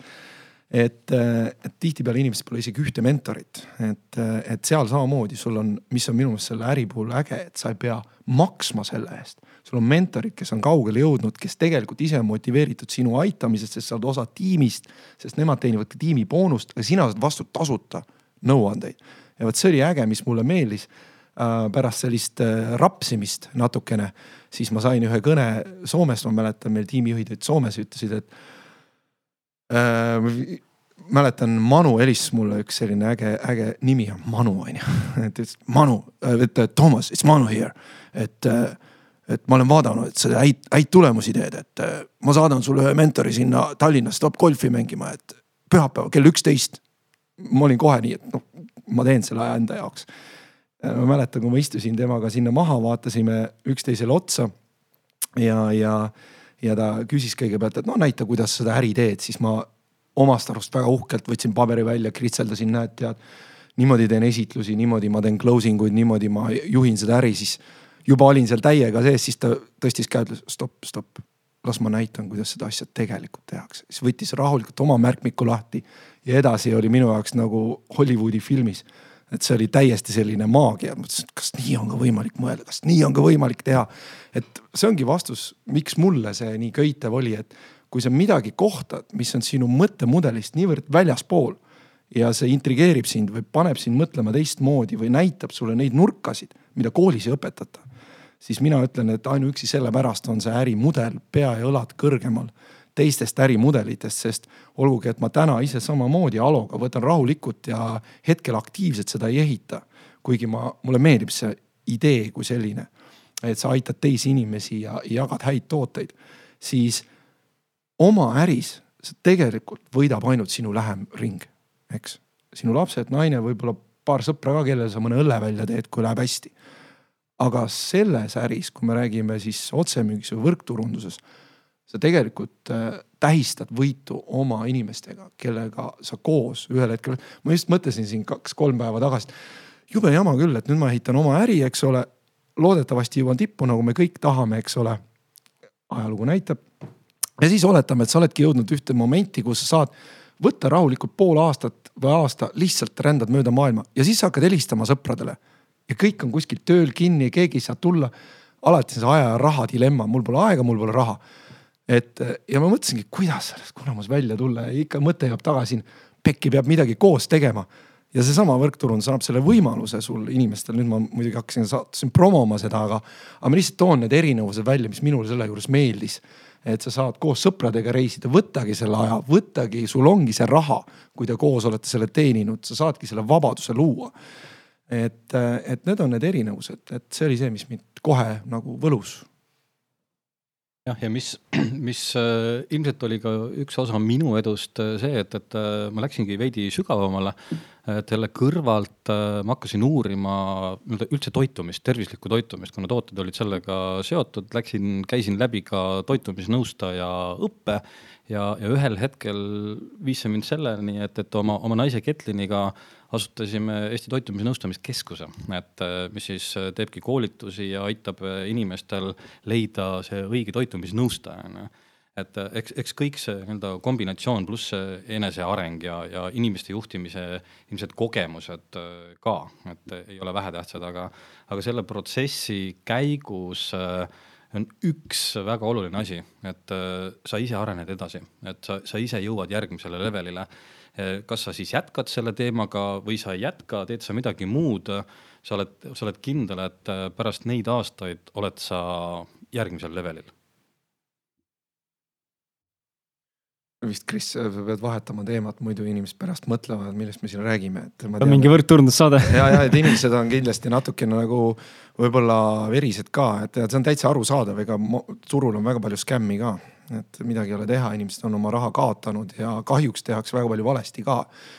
aga noh, täpselt sama, mina olen öelnud täpselt samamoodi, sa kaotad poest jogurtit ostes, mille sa viskad kolm päeva hiljem ära, kui sa oled pool ainult sellest ära söönud, nii et noh, seda inimesed ei märka, eks. või teisi asju, aga okei okay,, see selleks, et et jah, igatahes on see olnud äge etapp ja ma enda, endiselt nagu näen, et see aitab, aitab paljusid inimesi ja ma ei, kunagi tahaks jälle uuesti mingil moel sellega tegeleda räägime ettevõtlusest, noh, me täna ei räägi ainult ettevõtlusest, aga kui me oleme rääkinud ettevõtlusest praegu, siis ettevõtte uuele tasemele viimine või järgmise levelile viimine eeldab tegelikult juhi äh, kasvamist või siis omaniku kasvamist või meeskonna kollektiivset kasvamist. ehk siis tegelikult ettevõtte järgmine tasemele viimine tähendab ühtepidi võrdusmärgina ka iseenda järgmise tasemele viimist. et Alo, küsimus on tegelikult sulle mõeldud ka ja Toomas saab siin täiestada siis, et kuidas siis äh, viia ennast äh, nii-öelda oma tegevusvaldkonnas uuele tasemele ja, ja lõpuks ka siis äh, tippu, et ähm, mis on see protsess, et ma saan aru, kui sul täna ei ole tervikvastust anda, et võib-olla sa ise tunned, et sa ei ole veel tipus, eks ole. ja veel käia on palju, aga, aga ometi mingid kogemused on tekkinud ja mil, mis, kuskilt see nägemus on tulnud jah, kui rääkida sellest äh, minu nii-öelda karjäärist äh, päästesüsteemist, kus ma tõesti ülikooli ajal käisin paar aastat päästjana tööl, täiesti selle eest raha saamata, sest et ma olin selle valdkonna fänn ja hakkasin sealt siis vaikselt mööda neid astmeid liikuma, kuni jõudes siis Päästeameti peadirektori asetäitjana, töötades seal ka väga palju aastaid. Siis nii-öelda tagantjärgi mõeldes nagu tundus, et ega ma ju ei teinudki midagi erilist või, või, või teistmoodi, et, et justkui seda valemit ei ole aga, aga ma, ma usun, et, et see nii-öelda minu edu valem, mida sa ka korra saate alguses äh, mainisid, äh, ongi võib-olla ka see nii-öelda missioon või eesmärk, mis ei, ei ole egopõhine, et, et mul ei ole kunagi olnud äh, soovi olla ise number üks või, või ise välja paista või öelda, et, et mina tegin seda või, või see on minu idee, minu mõte, nüüd me hakkame kõik seda koos teostama. Et, et kui sul on selline veidikene suurem eesmärk, mis pääste puhul ilmselgelt ju on inimeste aitamine, abistamine ja, ja päästmine. ja, ja kui sa leiad äh, nii-öelda oma kasu püüdmatult teistes inimestes äh, üles see nende motivatsiooni, nende tugevad äh, küljed ja võib-olla läbi sihukese nii-öelda innustava ja, ja motiveeriva suhtlemisena meeskonnaga töötamine. et, et see on see, kuidas sa edasi liigud, et, et see on ka teistes ärides, et, et siinsamas Million Mindsetis või, või, või teistes ettevõtmistes, et et eesmärk ei ole ise olla number üks, et äh, tegelikult kui ma Päästeametist ära tulin, siis äh, huvitav oli, oli kuulata siis neid äh, tagasisidet ja, ja väga paljud äh, erinevad ettevõtte juhid või ka meie oma töötajad ütlesid, et äh, et Alo oli niisugune nii-öelda huvitav inimene, et, äh, et, et justkui ei saanudki aru, mida ta tegi, kuidas ta tegi, aga kõik, mida ta tahtis või eesmärgiks võttis, ta saavutas. Äh, aga huvitav on ka see, et, et ta pani ka meid tegema seda, mida tema tegelikult tahtis, seda ise välja ütlemata. ja, ja minu enda töötavad või, või alluvad tihtilugu ütlesid, et, et Alo, et, et sa ei anna meile konkreetseid korraldusi, onju. et aga me jõuame ikkagi selleni, millest sa aasta alguses rääkisid et, et võib, võib-olla see ongi see, et, et, et vaadata natukene sihukest suuremat pilti, leida üles need kohad, kus inimene ise soovib äh, nii-öelda selle sinu eesmärgi poole liikuda, ta hakkab, ta hakkab ise sinnapoole liikuma, pannes selle, võttes selle eesmärgi endale. oota, Alo, sa äh, natuke, kas võib, ma küsin vahele, kindlasti paljud kuulajad mõtlevad, oot-oot, ma olen ka nagu tahan head ja annan endast kõik, mis ma saan ja vaatan suuremat pilti, aga mulle tundub, et siin on veel midagi, mida sa jätsid ütlemata äh, üks, mida ma praegu viimasest lausest lugesin välja, oli see, et, äh, et sa nagu märkad teisi inimesi ja suunad neid tegema nagu neile sobivaid asju, aga aga kas sellest on siis, kas see on piisav? kuidas sa ikkagi selle kõik ära tegid, et see, kas see on, ma, üks asi, mida sa ütlesid, et sa nagu tõesti tahtsid tegutseda selles valdkonnas, sa olid südamega asja juures. see on kindlasti võti. aga kas see oli mingi töökus seal taga veel või oli veel mingi asi? No ilmselgelt, et äh, kõikide asjade taga on, on pühendumus ja, ja, ja panustamine ja, ja, ja töökus kui, kui selline, onju. aga, aga sul peab äh, siiski jääma ikkagi nii-öelda see oma raamid, et sa ei, sa ei saa olla päris muidugi tuulelipp, et äh, teeme seda, mida, mida sulle meeldib. et, et noh, ma ei tea, kas see on niisugune sõnnilik nii-öelda jäärapäisus, et mul on olemas siiski ikkagi oma nii-öelda raamid või, või see koridor, mida ma siis hoian ja, ja kus ma siis aitan võib-olla inimestel äh, liikuda. aga see on hea küsimus, ega, ega mul ei olegi selle eest, sellele nii-öelda head vastust. hea sõber ütles, sõber ütles kunagi, kunagi, et kui mõtted saavad otsa, siis põhimõtted jäävad, onju, et äh, võib-olla sa, võib-olla sul on lihtsalt need põhimõtted nii tugevad või, või mingisugused raamid seal all, mille peale inimesed saavad toetuda või? okei okay,, ma niisama filosofeerin, huvitav kuulata sind siit kõrvalt ja mõtlen ise ka, et kuidas sa siis nii kaugele jõudsid seal, et äh, ja.... aga, aga täiendagi Toomas enda, enda mõtetega, et Äh, ettevõte, mis sa teinud oled, mis sa oled neist õppinud, samamoodi ettevõtte juhtimine, olgu ta üksinda või, või äh, kahe alluva või kahe töötaja või abilist, vabatahtlik. vahet pole, juhtimine, juhtimine, ka iseenda juhtimine, ka juhtimine, et mis sa oled sealt õppinud siis äh, läbi ettevõtluse? No neid saateid on ka päris, siin Äripäev teeb ka väga ägedaid saateid, kus inimesed räägivad. Siin juhtusin kuulama ühte naisterahvast, kes tihti naised just ju kuidagi meie ühiskonnas, ma ei tea, ei, ei tule esile, et nad nii, nii suurt karjääri teeks kui mehed, et siis küsiti ühe kas oli äkki Alexela tippjuht või keegi naisterahvas, kuidas sa siis nii kaugele jõudsid? siis ta ütles, et äh, hakkasin lihtsalt kõigepealt tegema neid töid, mida teised ei tahtnud. ja siis näitasin initsiatiivi ja võtsin vastutust ja ühel hetkel hakati mind märkama, et äh, mulle tundub, ei ole nii keeruline iseenesest äh, siin riigis midagi ära teha. et ma arvan, see oli mingi seitse, kaheksa, kümme aastat tagasi, kui ma mõtlesin, et oleks ma sündinud, oleks ma olnud kahekümne viie, kolmekümne aastane üheksakümnendatel, oi, ma oleks paugutanud ja niimoodi ettevõtlust teinud ja nüüd tagantjärgi ma vaatan, et ah, tead, see oli kuidagi nii okei okay,, jah, olid head võimalused ja jagati palju võib-olla, võib-olla mingid asjad olid välja kujunemata, seadused kujunemata ka, võimalusi mõnes mõttes rohkem, aga täna on neid veel rohkem. et raha ja võimalusi on veel rohkem, no mina ütleks, et et selline juurikas peab ikka sees olema, mingisugune selline nagu noh, ettevõtluses on sul tegelikult mis asi tähtis, et okei okay,, minul on võib-olla ka, ma ei tea, siit ei ole võib-olla midagi väga õppida, et saare jonn võib-olla isa poolt saarlane, eks ole. aga, aga mi, mida võib-olla on, on õppida, on see, et, et kui sa, kui sa võtad mingisugused, kui, kui, kui sa, sinu meelekindlust, su mõte hakkab su meelekindlust järgima lõpuks, kui sa jääd mingile asjale kindlaks siis su mõte hakkab järgima ja siis tulevad teod järgi. et äh, tihti on vaja sellist äh, kannatlikkust ka, et äh, noh, muidugi siin saab ka kahtepidi vaadata, eks ole, Robert Heržavek, kes on üks minu suur, ma ei tea äh,, eeskuju. Shark Tankist on öelnud kunagi, et, äh, et, et good, good uh, businessman takes no for an answer, but good entrepreneur knows when to move on. Eesti keeli, et äh, hea ehm, ärimees ei võta ei-d eh, vastusena, aga hea ettevõtja teab, millal liikuda edasi. et see on nagu kaks poolt, eks ole, et ühelt poolt sa pead teatud eh, panuse andma, et eh, sul peab teatud kannatlikkus olema, et välja jõuda ühte kohta. aga kui sa näed mingi hetk, et see enam ei tööta või ei toimi, siis sa pead oskama lahti laska ja edasi minna, eks ole, et. ma arvan, et see on võib-olla selline võti, et, et selline sihikindlus ja, ja, aga siin on kindlasti palju asju veel, et ma, Alo tahtis midagi öelda. Ja tegelikult äh, seal tõesti on kaks, kaks olulist poolt veel, et äh, üks on julgus ja, ja teine on, on vastutus, et äh, see minus vist on olnud küll, et äh, mul on enda jaoks tegelikult äh,, ma olen võtnud vastu kuidagi sellise otsuse või, või põhimõtte, et äh, ma ütlen väljakutsetele jah, et äh, ilmselgelt kõik need väljakutsed äh, on alguses hirmutavad ja, ja ebamugavad, aga, aga ma olen võtnud endale selle põhimõtte, et ma ei ütle kohe kindlasti ei, et ma nii-öelda vähemasti võtan endale mõtlemise aja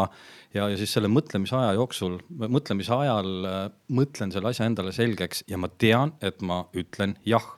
see on ilmselt äh, natukene seotud ka võib-olla minu sihukese vanemate poolt äh, kaasa saaduga, et, et ma mäletan, et äh, mu isa alati kordas mulle, et kui sul on raske koht või, või on raske otsus vaja teha, siis mõtle alati, mis on kõige hullem, mis juhtuda võib. Ja, ja tegelikult me mõtleme alati üle, et, et kui sa selle kõige hullema koha välja mõtled, siis saad aru, et seal ei ole mitte midagi hullu et, et siis sa tegelikult võtad selle väljakutse vastu ja, ja nüüd, kui sa nii-öelda muidu, et sa mõtled, et okei okay,, et teil on viiskümmend, viiskümmend protsenti võimalust võita või kaotada, aga sellest hetkest, kui sa oled võtnud väljakutse vastu, hakkad sa tegema ju kõike selleks, et õnnestuda ja nüüd ei ole enam viiskümmend, viiskümmend nüüd on seitsekümmend, nelikümmend, kaheksakümmend, kakskümmend, kuni see jõuab sada või sada, saja kahekümne protsendini. ja, ja siis sa jälle oled kasvanud ja, ja järgmine väljakutse ei tundu sulle võib-olla enam nii hirmutav. Või järgmise välja, nii-öelda veel hirmutavama väljakutse puhul sa mõtled, et okei okay,, ma, ma ju tegelikult tean, et ma võtan selle vastu, kaalud natukene ja ütled selle jahi ära. Mis siis, et sa mõtled, et ah oh,, loll oled, et, et sa ei oleks pidanud seda tegema. nojah, ja närvi peab ka olema, ma ütleks nii, et meie siin noh, mina ei, kes ma siis olen, eks ole, minu ettevõte praegu teeb veits üle poole miljoni, hakkab varsti miljonile lähenema, no see ei ole ju mingisugune näitaja. Eestis, siin on meil ju neid suuri guurusid, kes oskavad, kuidas jõuda tippu rääkida nagu kümme korda paremini kui mina. et seal on nii palju kihte veel, kuidas kaasata inimesi, kuidas inimestega ümber käia, kuidas protsesse juhtida, milliseid strateegiaid, positsioone turul võtta, eks ole. et äh, siin on kindlasti mitme saate jagu, aga ma võib-olla ütleks enda kogemusest nii palju, kui ma saan rääkida. et närv on ülitähtis, kui sa tahad kuhugi jõuda, et äh,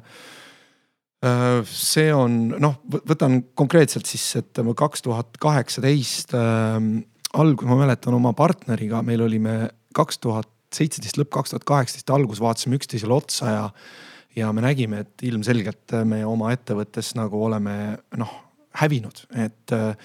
me olime teinud seal kuskil sada viiskümmend tuhat miinust kahe aastaga. Äh, okei okay,, kui su ettevõtte käive on nagu Merko seal miljonid, kümnetes, ka mitmekümnetes, sadades miljonites, võib-olla isegi siis see sada viiskümmend tuhat miinust ei ole midagi, eks ole. aga kui, kui me räägime siin käibest, meil oli käive see hetk kuskil kolmsada tuhat ja pool sellest on kahjum noh, siis ei ole sul enam manööverdamisruumi ka, et vahel vaata on see, et käive suurus on tähtis, mitte ainult kasum-kahjum. see käive suurus annab sulle manööverdamisruumi, eks. aga meie see käive oli ka nii väike, et pool sellest oli kahjum, meil ei olnud manööverdamisruumi enam ja vaatasime üksteisele otsa, mõtlesime, et aa, mis nüüd edasi ja kuna kõik olid äh, ütleme, ettevõte oli üles ehitatud laenud, meil oli seal üle kahesaja tuhande laene veel ka peal, mida me oleme isiklikult käendanud. et äh, noh, siis ma tegin nagu kiire arvutuse, et äh, variant üks, lähme pankrotti ja maksan elu lõpuni kellelegi tuhat euri kuus lihtsalt iga kuu. noh, ei, ei kõla nagu väga hea plaan variant kaks, tuled ikkagi sellest välja, aga samas, mis, mis nagu andis meile selle minule vähemalt, oli see, et ma teadsin, et ma teen head asja. ma tegelikult teadsin, et ma olen hea poiss. ei olnud lihtne minna järgmise nagu võlausaldaja juurde, kes ütles, kuule, sa pidid eelmine nädal tagasi maksma mulle kolmkümmend tuhat. et kus see raha on ja nüüd vaadata talle otsa, ütelda tegelikult tead, ma just tahtsin sinuga rääkida, eks. et eh, see, need, need kõik need momendid, kus sa nagu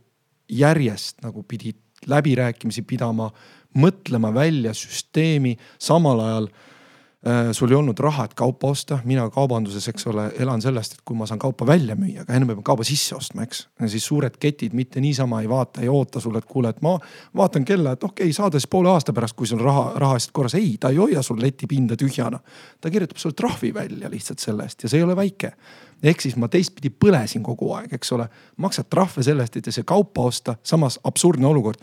äh,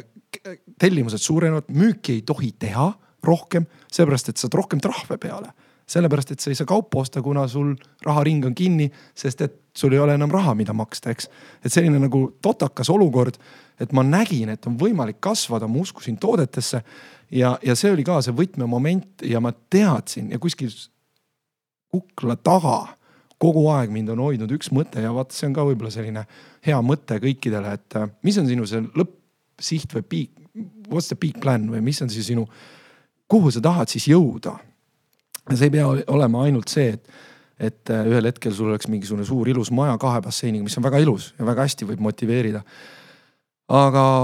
minu jaoks on alati kuidagi tiksunud see, et ma olin kolmteist, kui mu isa ära suri ja oi, oi, kuidas ma oleks tahtnud, et ta oleks mu kõrval just nende kasvamisaastate jooksul, kui sa vajad teda kõige rohkem ja ma mäletan isegi seda momenti, kui ma vaatasin ülesse ja pisaraid silmis küsin, isa, kus sa oled, et, et mul on sind vaja. et, ähm, et, äh, et, et see nagu, äh, see toe puudumine, see kogu aeg, ma ja võib-olla ka see, et ma tahtsin talle näidata, et ma olin noorem poiss, eks ole, mu vanem vend sai rohkem tähelepanu. siiamaani kuskil on see mu sees, ma pöörasin selle enda jaoks nagu tugevuseks, et, et ühel hetkel ma seisan ta haual ja ütlen, et vaata isa, kui kaugele ma olen jõudnud et sa saad alati selle kaotuse kuidagi enda jaoks nagu mängida selle tugevuseks ja, ja, ja see on ka mind hoidnud, et ma tean, et lõppsihtpunktis ma tahan seal seista ja öelda, et I did it või et tunda või siis ka lapsed, eks ole, ühel hetkel võtad ja ütled lastele, minu jaoks üks motivatsioon on olnud see, et me jõudsime kuidagi motivatsiooni juhuslikult. aga see on ka oluline, miks sa mingit, mis sind edasi viib ja kuidas üles tõusta, et mis on need jõuõlad, eks ole, mis sind aitavad edasi et ma olen mõelnud enda jaoks äh, selle, et, et ma ei tahaks lihtsalt äh, eriti kui ma olen palju kodust väljas, eks. et ühel hetkel, kui mu tütar tuleb minu juurde ja ütleb, et, et issi, ma ei tea, mul on see nagu raske moment, et mis ma nüüd teen, siis ma vaatan talle tühja kalanäoga otsa, ütlen, aga ma ei tea, eks ole. aga kust ma saan need teadmised, kogemused, ma saan tegelikult päris elust. ja ma tean, et ettevõtlus annab mulle nagu jalaga näkku päris elu kogemust, eks ole. et, et et see on see, mille pealt ma, ma tahan neid story sid, need näiteid, sedasama mental toughness'i enda seda kogemust. et ma ühel hetkel oskaks ka oma lastele öelda, et kui nad ütlevad, kuule paps, tead, mul on selline props, et probleem, mis me teeme nüüd. siis ma ütlen talle, tead poja, istume maha, ma räägin sulle oma loo, kuidas mina lahendasin oma olukorra. et, et need on need momendid, mis mind nagu tõmbavad edasi. mainisid äh, ühe vanema kaotust, et äh, lähme korra puudutame siis seda teema ka ära äh,. pisut sihuke äh, haavatavam ja, ja nii-öelda nagu kurvem pool, aga räägime, pöörame selle nagu positiivseks, et paratamatu on see, et inimesed meie ümber surevad, noh varem või hiljem juhtub, eks ole, loodetavasti mitte eriti noores eas, aga suure tõenäosusega varem või hiljem juhtub, et ilmselt siin lõpmatuseni keegi meil ei ela veel tänaval, võib-olla varsti kuidagi labori sünteetilise mingite asjade kaudu võimalik elada siin kolmesaastaseks, me ei tea seda. ma ütlen ainult vahele, mu sõber ütles, tema ootab seda, kuni ajuskaneeringud niimoodi mil-, mikrohaaval lõigud võetakse maha, skaneeritakse sinu mõtted ja teadvus maha ja siis pannakse sind arvutisse. aa, no vot, vot jah et äh, sa olid kolmteist, ütlesid Toomas jah? ja mina olin kolmteist. ja Alo, sina olid üheksateist, äh, kui ema lahkus ja kakskümmend kuus, kui isa lahkus, et äh, pojaga poole vanem, siiski noor. Ähm, kuidas, äh, ärme piirdu ainult siis sellega kellegi surmaga, vaid piirdume või nagu jääme siis sellesse raamistikku, et kuidas tulla elus toime suuremate kaotustega? võid, sa võid isiklikult puudutada seda, kuidas see sind mõjutas eks ole, ja Toomas võib ka paari sõnaga mainida, kuidas see nagu mõjus just nagu mõtteviisile võib-olla või nagu arengule või nagu selles mõttes enese kehtestamisele või eneseväärikusele või mis iganes muule see veel. aga räägime, kuidas tulla välja kaotustest. jah, et äh, noh, nii-öelda korra lapsepõlve mainides, siis äh, mina olen vist üks nendest äh, vähestest, mulle tundub, õnnelikest inimestest äh,, kes meenutades oma lapsepõlve, ma ei, ma ei suuda meenutada ühtegi sihukest nii-öelda traumat või, või, või teemat oma, oma vanematega, et mina võin öelda, et, et mul oli väga kuidagi harmooniline, tasakaalus ja, ja õnnelik lapsepõlv. Et, et ma olen saanud sealt kaasa ainult siuksed äh, positiivsed mälestused, et äh, mul ka õde, õde-vend, et, et kes on aidanud mul ilmselt arvestama äh, teiste inimestega kõik oma, oma suved olen ma veetnud äh, maakodus, kus mu vanemad siis äh, kasvatasid kõikvõimalikke juuri, köögivilju, marju, puuvilju, noh lisaks oma muudele tegevustele. kus ma siis neid aitasin, sain oma nii-öelda töökasvatuse või, või oskuse kasvatada, ma teadsin, et, et mul oli oma mingisugune hulk vagusid või, või mingisugune lapike, mida ma pidin tegema, said, saades selle eest ka tasu ja, ja kuna mu perekond on olnud keskmisest äh, ettevõtlikum, siis oli mu lapsepõlves ka noh, sisuliselt kõik olemas, et ma ei ole ka väga palju puudust äh, tundnud, et ma olen saanud äh, ellu kaasa sellise üsna tugeva paketi. Ja, ja oma, oma vanemad on, on mulle olnud hästi suureks eeskujuks ja, ja just ka selleks äh, nii-öelda toetajaks, kui on olnud mingisuguseid äh, küsimusi, et, et noh, raskel hetkel sul on alati keegi, kelle käest küsida. Ja, ja siis ühel hetkel ootamatult äh, sa tunned, et, et sul on see tugi kadunud, et, et, et sul ei, os, ei olegi kuskile kellelegi toetada.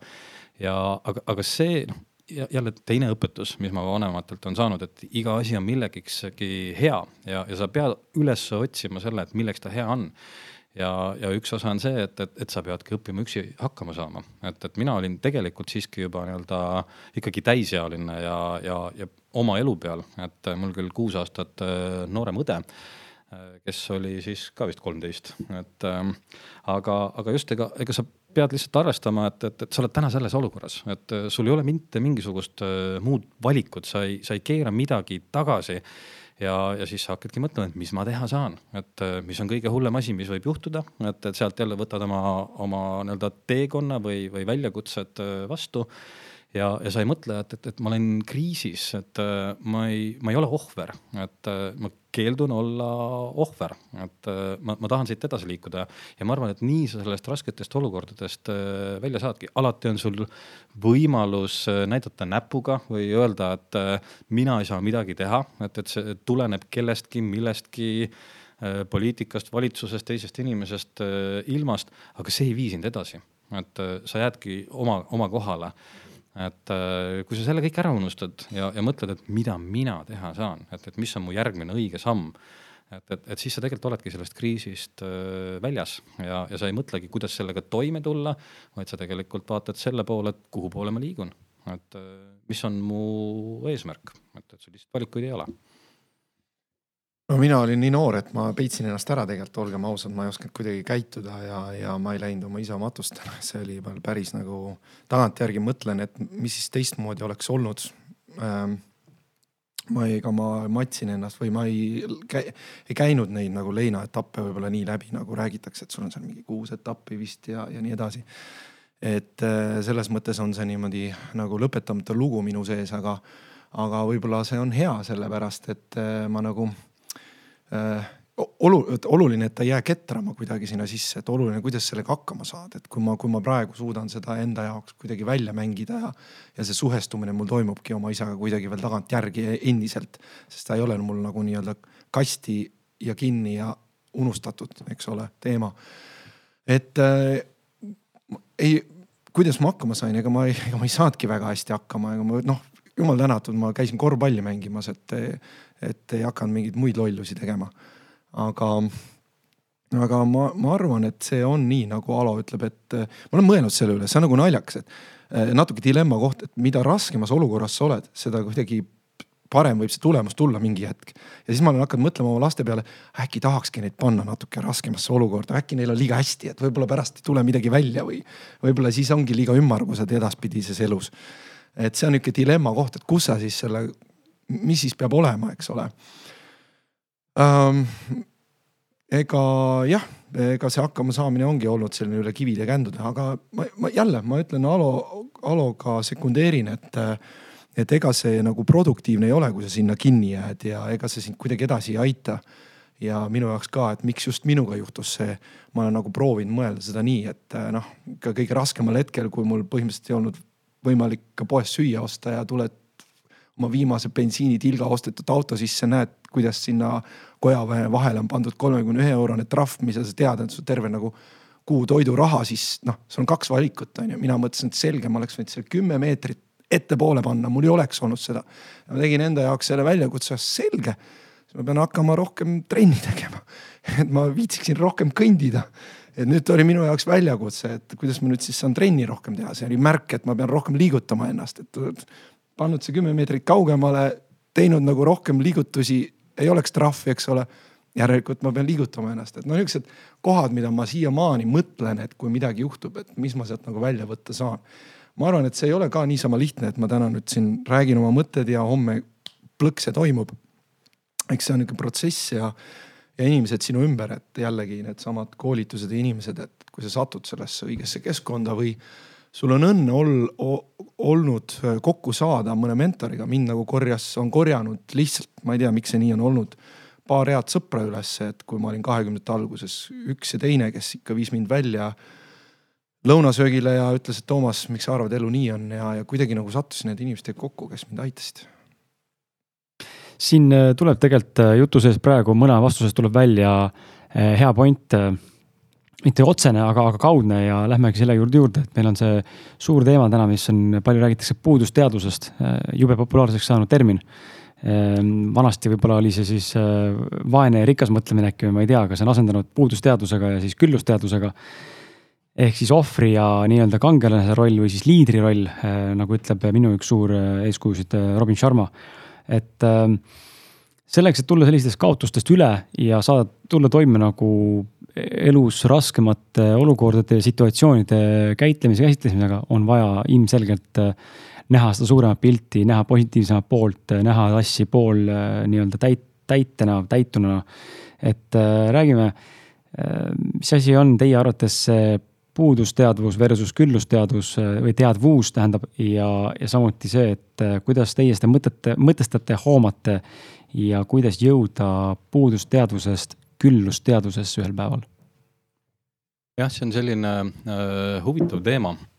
tegelikult mõned aastad tagasi ma juhtusin ühel koolitusel kuulama ühte teooriat ja, ja lugesin ühelt veebilehelt äh, seda nii-öelda evolutsioonilist, inimese evolutsioonilist äh, arengut ja, ja, ja saingi aru, mõeldes ka oma elu peale tagasi, vaadates. mul on see äh, lahtihiigsuse evolutsiooni kasvamise teooria. jah, ma vist kunagi saatsin sulle selle. et äh, ja, ja see pani minu jaoks selle pildi nii hästi kokku või, või, või paika kuidagi. ja, ja ma mõistsin, et suur osa inimestest oma elu jooksul istubki nii-öelda selles puudusteaduses ehk ohvri tasandil, ohvri rollis ja, ja miks see nii on, see, see tegelikult tuleb juba lapsepõlvest, et äh, paratamatult väike inimene ei suuda ise kõike teha, et äh, ta lihtsalt ei ole, ei ole võimeline. ja siis on tal äh, ema ja isa laps on õnnelik, kui tal on ema ja isa, kes siis hakkavad äh, talle ette ütlema, mida teha, mida mitte teha või siis teda päästma. ehk laps harjub kellegi teise peale lootma, et tal on kogu aeg mingisugune tugi, kes paneb käe ette, kui ta valesti astub või, või kukkuma hakkab või, või kes siis ütleb, kuidas või midagi teha, on ju. ehk me, me, me justkui oleme juba sünnist saati selles situatsioonis, et minust väga palju ei sõltu, et see sõltub kellestki teisest. ja nüüd sa saad äh, vanemaks ja sa ei tule välja sellest. Sul on ikka kogu aeg selline tunne, et, et, et keegi peab aitama, keegi peab toetama ja, ja sa oled selles ohvris raskes olukorras, sa alati süüdistad kedagi teist, mina ju ei ole süüdi, mina ei saanud valesti teha. Ja, ja sellel, sellesama teooria järgi on sellel ohvri tasandil ehk puudusteaduse tasandil on sellist kolm rolli, et ohvri kõrval on päästja, kes on siis inimene, kes püüab kogu aeg teisi oma tegevusega päästa, välja aidata, ta on alati olemas. Aga, aga tegelikult ta leevendab endal seda tunnet, et või ta ütleb, et, et kui ma saan kedagi teist aidata, et, et siis ma olen justkui kangelane, et, et hakkab kerjama seda tunnustust, tal on puudus sellest tunnustusest ja, ja siis on teine roll, on, on seal selline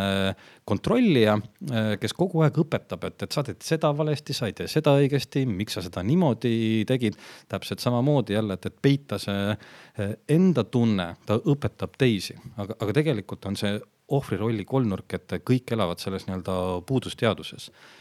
nüüd, äh, kuidas minna üle sellesse äh, küllusteadusesse, äh, see on vastutuse võtmine, et selles järgmisel tasandil, sellesama teooria järgi on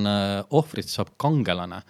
Ehk sellel hetkel, kui sa lakkad süüdistamast või, või ootamast kellegi nõu või kontrolli, võtad selle vastutuse endale ja hakkad ise mõtlema, mida ma saan teha, et sellest jamast välja tulla või, või jõuda kuhugi, sa saad kangelaseks. Ja, ja nüüd need äh, rolliasendused ehk see päästja, kes ennem oma tegevusega püüdis sind kogu aeg aidata, see muutub äh, selliseks nii-öelda motivaatoriks, provokaatoriks, kes ise ei tule sind kunagi aitama. aga kes siis läbi oma, oma sõnadega, et, et noh, kui sa nii loll oled või kui sa nii laisk oled, et noh, eks sa istu seal edasi siis on ju. et, et ta tegelikult läbi oma sõnade, ta ise sind aitama ei tule, sest et ta, ta ise on nii-öelda selles äh, küllusteaduses ja mõtleb, mis mina sellest saan. miks ma peaksin oma aega kulutama sinu peale, kui sa nagunii sealt välja tulla ei taha, on ju ja, ja siis see kontrollija selle teooria järgi on, on sihuke nii-öelda filosoof, pohhuist, et äh, ta küll analüüsib äh, seda, ta, ta näeb, mida sa valesti teed, aga tegelikult tal on savi. et, et ta tegeleb oma asjadega, onju ja, ja, ja nii me tavaliselt käime. Ja, ja me kõik inimesed äh, aeg-ajalt oleme selles äh, ohvri rollis, äh, aeg-ajalt kangelase rollis. kuigi on inimesi, kes tõenäoliselt sellesse nii-öelda kangelase rolli või, või küllusteadusse väga palju ei satu. Ja on inimesed, kes enamik ajast võib-olla on selles küllusteaduses ja aeg-ajalt satuvad sinna ohvri rolli. Ja, ja mis on nüüd huvitav, et, et nüüd ma olen ka viimastel aastatel seda kuidagi kõrvalt jälginud ja, ja vaadanud ja, ja avastanud, et eh, neid inimesi, kes on hakanud võtma vastutuse erinevate teistest ja on selles kangelase rollis, neid hakatakse tagasi tõmbama sinnast, et nad kuidagi eristuvad, et neid hakatakse noh, mitte sõimama võib-olla, aga, aga näpuga näitama ja kritiseerima ja neile tingimusi seadma, onju. ja, ja kui sa lased sellel juhtuda siis sellest hetkest laksust sa kukud jälle sellesse puudusteadusesse või ohvri rolli tagasi, onju.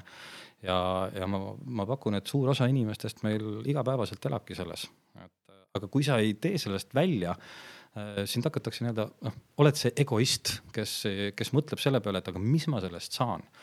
et, äh, et siis sa oledki see nii-öelda kangelane ja küllusteaduses ja liigud kogu aeg äh, edasi. mina olen oma elu püüdnud nüüd läbi selle prisma vaadata ja see teooria aitas või ta kuidagi loksutas paika äh, minu jaoks. saingi aru, et äh,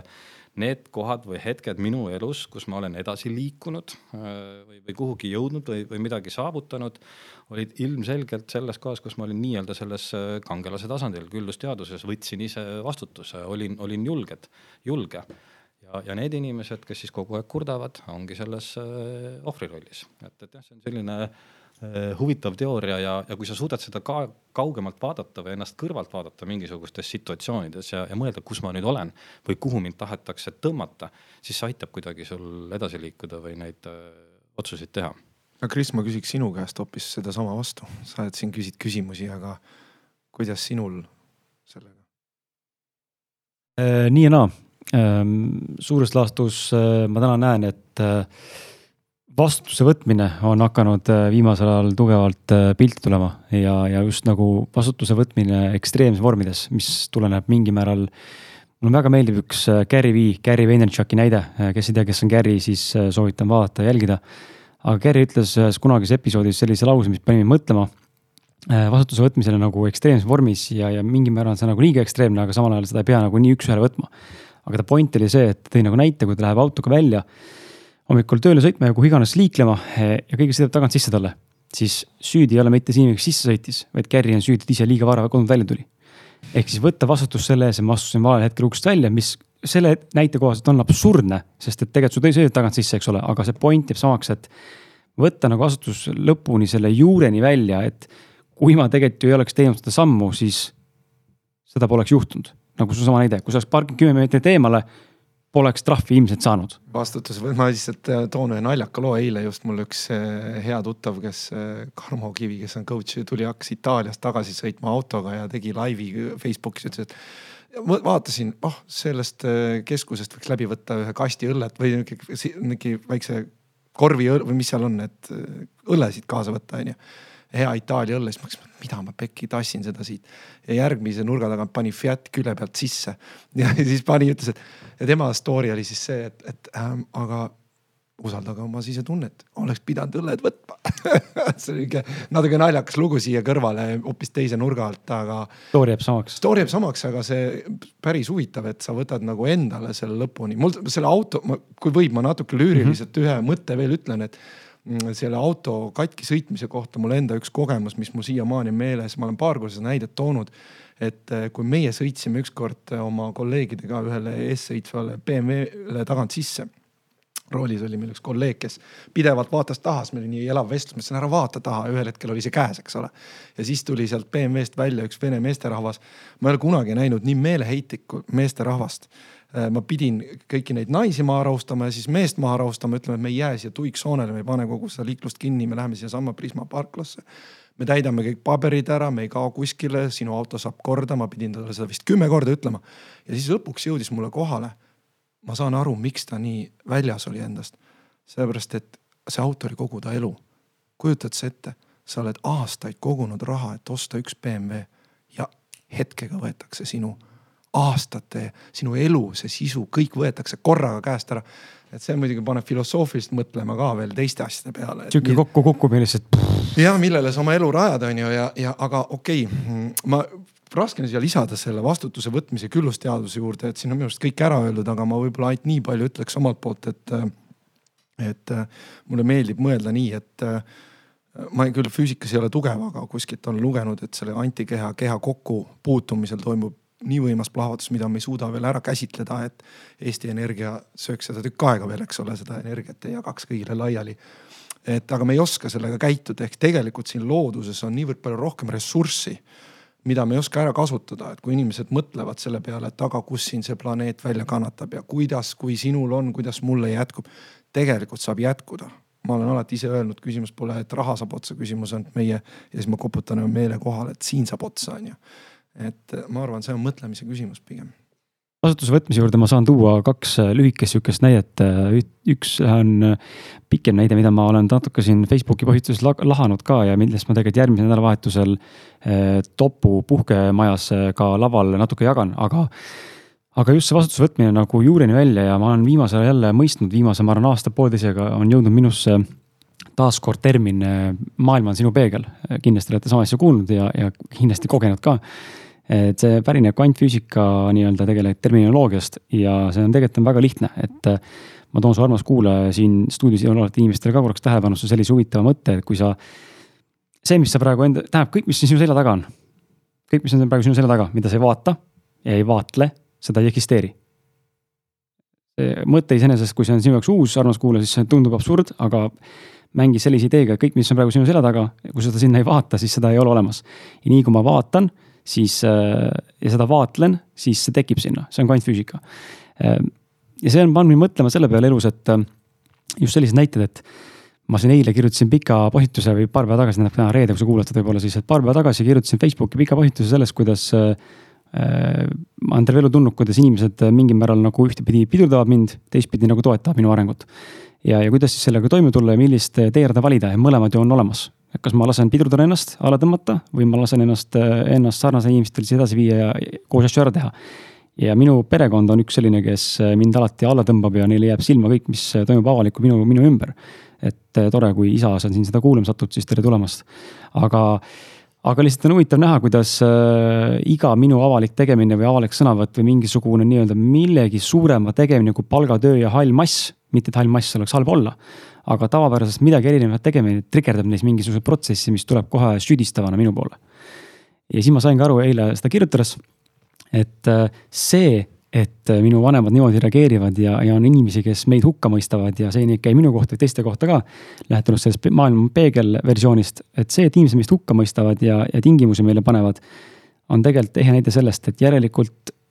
kui maailm on meie peegel, siis me pidime midagi tegema sellist, et maailm saaks näidata sedasama asja, mis näitab praegu mulle. järelikult, kui mu isa minu peale on selline, nagu ta on, või keegi kolleeg on teie peale vihane, siis järelikult sa pidid eelnevalt midagi tegema sellist, mis pani selle maailma näitama sulle seda kogemust sa praegu said läbi selle inimese või situatsiooni. ja see on see vastutuse võtmine nagu minu jaoks sügaval tasandil. et järelikult mina ise lõin selle situatsiooni, kuidas, ma võib-olla täna ei tea seda. aga, aga, aga lõin, süüdistada teist ei ole mõtet. väga huvitav jah aga ma ei tea, kas see tõele vastab, et see on see, kuhu ma täna olen jõudnud ja see annab mingil määral nagu kergenduse, et ma ei saa enam süüdistada teist inimest, ma lahutan ta võrrandist, järelikult on ainult mina alles. ja nüüd on minu vastutus, et äh, kasvada või teha paremaid valikuid ja mitte vinguda selle üle, et nii on. nojah, sa ei saa võita seda võitlust samal tasandilt. kui sa, kui sa, kui sa lähed süüdistama teiste inimeste vastu võitlema ja õigustama samamoodi nagu täpselt samaga vastama, siis mitte midagi ei muutu, see jääbki nagu pendeldama niimoodi. aga kui ma nagu distantseerun ja eemale tõmbun siis sealt tuleb lahendus võib-olla. kunagi on hästi öelda the best revenge is success on ju yeah., et või siis, et no neid ütlusi on palju, nagu Randy Cage mulle meeldib, on öelnud, et how Reverend Ike says it, the best thing you can do for poor people is not be one of them. et, et parim asi, mida sa vaestele saad teha, on mitte olla üks nendest. et noh, neid ütluseid on palju, see on, see on. aga lähmegi selle jutu juurde, et mis ma just mainisin, et kuidas et kus, kui sa hakkad midagi tegema ja sa teed seda järjepidevalt, olgu see siis täna Million Mindset kirjastus, minu puhul podcast, eh, Ahti puhul siin on see stuudio. Eh, võib-olla on sul võrkturundus, võib-olla on sul ettevõte. Eh, kui sa hakkad midagi järjepidevalt tegema ja, ja see muudkui kasvab, mis on nagu loomulik füüsikaline osa sellest maailmast, kui sa midagi järjepidevalt iga päev teed, siis varem või hiljem tulevad ka tulemused. juhul, kui sa teed väga valet asja, jooksed peaga vastu seina nagu loll, siis on teine asi, on ju, aga üldiselt tulemused tulevad kuidas tulla toime sellega, et kes hakkavad sind maha tõmbama, sest tegelikult sa, Alo, ise mainisid sama asja siin paar küsimust tagasi. et äh, tulevad inimesed, kes tahavad sind tõmmata nii-öelda tagasi ohvri mentaliteeti, kui sa oled liikunud edasi nii-öelda siis äh, äh, küllusteadusesse. sa jääd inimestele silma ja see hakkab inimesi häirima, sest et sa varjul ilmselt on see, et inimestel on enda mingisugused täitmata unistused ja kibestunud mingisugused soovid. aga kuidas tulla toime selle, selle nii-öelda vaimse rünnakuga, mis tegelikult ei ole üldse teadlik, lihtsalt see tuleb inimeste enda hirmust või mingist muust asjast, aga kuidas sellega toime tulla? ja väga paljud sellised rünnakud, äh, nii nagu sa ütlesidki, et äh, tulevad iseenda hirmudest ja, ja võib-olla ka mõnes mõttes äh, soovist sind kaitsta selle eest, et tal on mingisugused omad piirid, omad, omad hirmud ja, ja võib-olla ta hoolib sinust nii palju ja ja, ja soovitab sul mitte sellega tegeleda, on ju, sest et, et tema seda mingil juhul ei julgekski teha, on ju. Ja, ja nüüd on nagu sinu küsimus, sinu otsustada, et sa tead, et igalühel on meil oma teekond, omad õppetükid õppida, et kas sa võtad talt selle ära või lased tal selle õppida, on ju, ja ka sinul on oma tee ja omad õppetükid. et, et kui sa kuulad, jääd teda kuulama ja, ja loobud sellest, mida sa ette endale oled äh, võtnud, et, et siis sa tegelikult äh, jätad selle õppimata. et jälle mina, mina olengi püüdnud nüüd eriti viimasel ajal mõeldagi niimoodi, et mis mina sellest saan ja, ja püüdnud jätta tähelepanetu selle, et, et mis, mis on siis need nii-öelda tingimused või, või hinnangud või, või soovitused teise inimese poolsed, et, et lülitad ta korraks enda jaoks või endast välja ja mõtled seda, et millise soovituse mina iseendale teeksin või, või siis sellele teisele inimesele annaksin. kui ma päriselt tahan või, või, või hoolin temast, et ta jõuaks sellele oma eesmärgile lähemale, on ju. et kuulad iseennast, et jah, tihtilugu me me kipume andma nõu asjades, millest me midagi ei tea või, või küsimagi nõu inimestelt, kes tegelikult selles seisundis äh, pole ise olnud, on ju. et ma ei tea, kui, kui sa teed podcast'i ja, ja küsid selle kohta nõu inimeselt, kes pole kunagi teinud, siis millist nõu sa loodad sealt kuulda, on ju aga sellel mündil on teine pool ka, et see on nagu, seal on kuskil mingi tara vahel ja kui sellest tarast saad teisele poole, ehk siis seda nimetatakse nagu meeletuks eduks või lihtsalt eduks äh, ja oled jõudnud piisavalt kaugele, siis äh, inimestel toimub selline huvitav asi, nagu nad tahavad olla võitjate paadis ja siis ta ütleb, et kuule, ma olen algusest peale ütlenud, et see on õige asi. mul oli täpselt seesama, mäletan oma esimese ettevõttega, et ah, kes see neid tahab, neid tooteid, kõik keegi ei osta, onju. ja siis pool aastat hiljem endine elukaaslane ütles, ma ütlesin algusest peale, et see kõik nagu läheb nii, onju et, et see on, see on ka huvitav, mida meeles pidada, et kui sa ühel hetkel sinna teisele poole jõuad, et siis äh, võib-olla mängu ilu, naudi seda, kui sa jõuad sinna ja siis äh, sa annad mingi teatud äh, nurgamuutuse sellele inimesele läbi selle mingi sõnumi. aga see enda indivi-, individuaaltasandil, Toomas, sinu näitest lähtudes nõuab väga palju äh, julgust ja nagu ma ei teagi, mida veel, mis õige sõna on, aga just nagu võtta avasüli vastu see inimene, kes enne oli sulle selja pööranud tegelikult see on tegelikult ääretu näide kahepalgelisusest. see on õudselt hea näide, mis sa tood, ma praegu hakkasin ise mõtlema, et äh, kui palju ma huvitav ise olen õppetundi ära võtnud inimestelt selles mõttes, et äh, teinekord on nii, et äh, sa võid ju paar lauset öelda rohkem, enne kui sa kiirustad kuskile ja see võib talle niivõrd palju tähendada. et, et see on hea, hea tähelepanek sulle, et võib-olla me võiks natuke mõelda sellele ka, kuidas me inimesi siin kohtleme. või kuidas me nagu jah, see, mis sa rääkisid, see nagu kõnetas mind jah, et veel võib-olla nii palju öelda, et, et tegelikult äh, on, on see üsna raske valik, et äh, kui sa ei ole selle inimese nii-öelda meele järgi ja, ja liigud oma teed edasi, et, et jätad tema sinna nii-öelda ohvri rolli ja, ja ise liigud kangelase rolli, siis sa pead arvestama sellega, et, et ühel hetkel ta võibki jääda sinust kaugemale. et aga, aga siis ongi küsimus, et, et aga kas sul ongi teda vaja või võib-olla sul ongi vaja ta teist keskkonda, sest et kindlasti on selles nii-öelda uues kohas, uues situatsioonis inimesi, kes sind toetavad ja, ja, ja kaasa peavad, et sa pead lihtsalt otsima üles need inimesed, et see ongi sinu tee. Ja, ja, ja ühel hetkel võib-olla siis läbi selle motiveerimise või, või provokatsiooni püüad teda siis kaasa tõmmata, mitte ei lase ennast alla tõmmata, vaid püüad teda kaasa tõmmata. et ja kui ta ei taha tulla, siis see on, siis on tema tee, et tema õppimise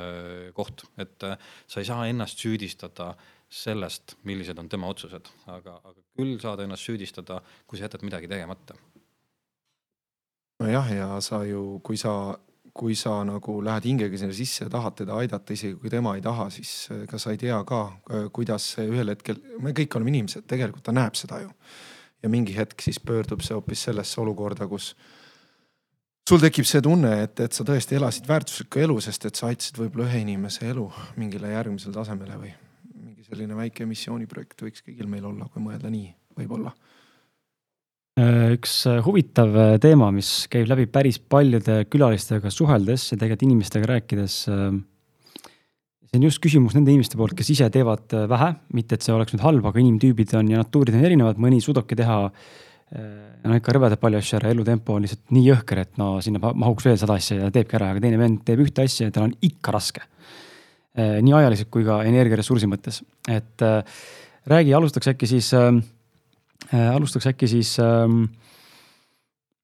äh, just sinust, Toomas, selle vastuse juures või selle küsimuse juures, et ähm, kuidas leida tasakaalu, kui sul on pere ja sul on sada muud miljon asja, mis jooksevad tegelikult kõrvalt. sest et selge on see, et kõigil meil on kakskümmend neli tundi ööpäevas, ma ei tea, võib-olla teil on mingisugune salamasin, kus saab juurde ketrata, eks ole, aga, aga võib-olla te kirjutate mingi aeg raamatu sellest. aga reaalselt äh, meil on kõigil ühesugune aeg, muidugi see on relatiivne see aeg, sest et äh, Äh,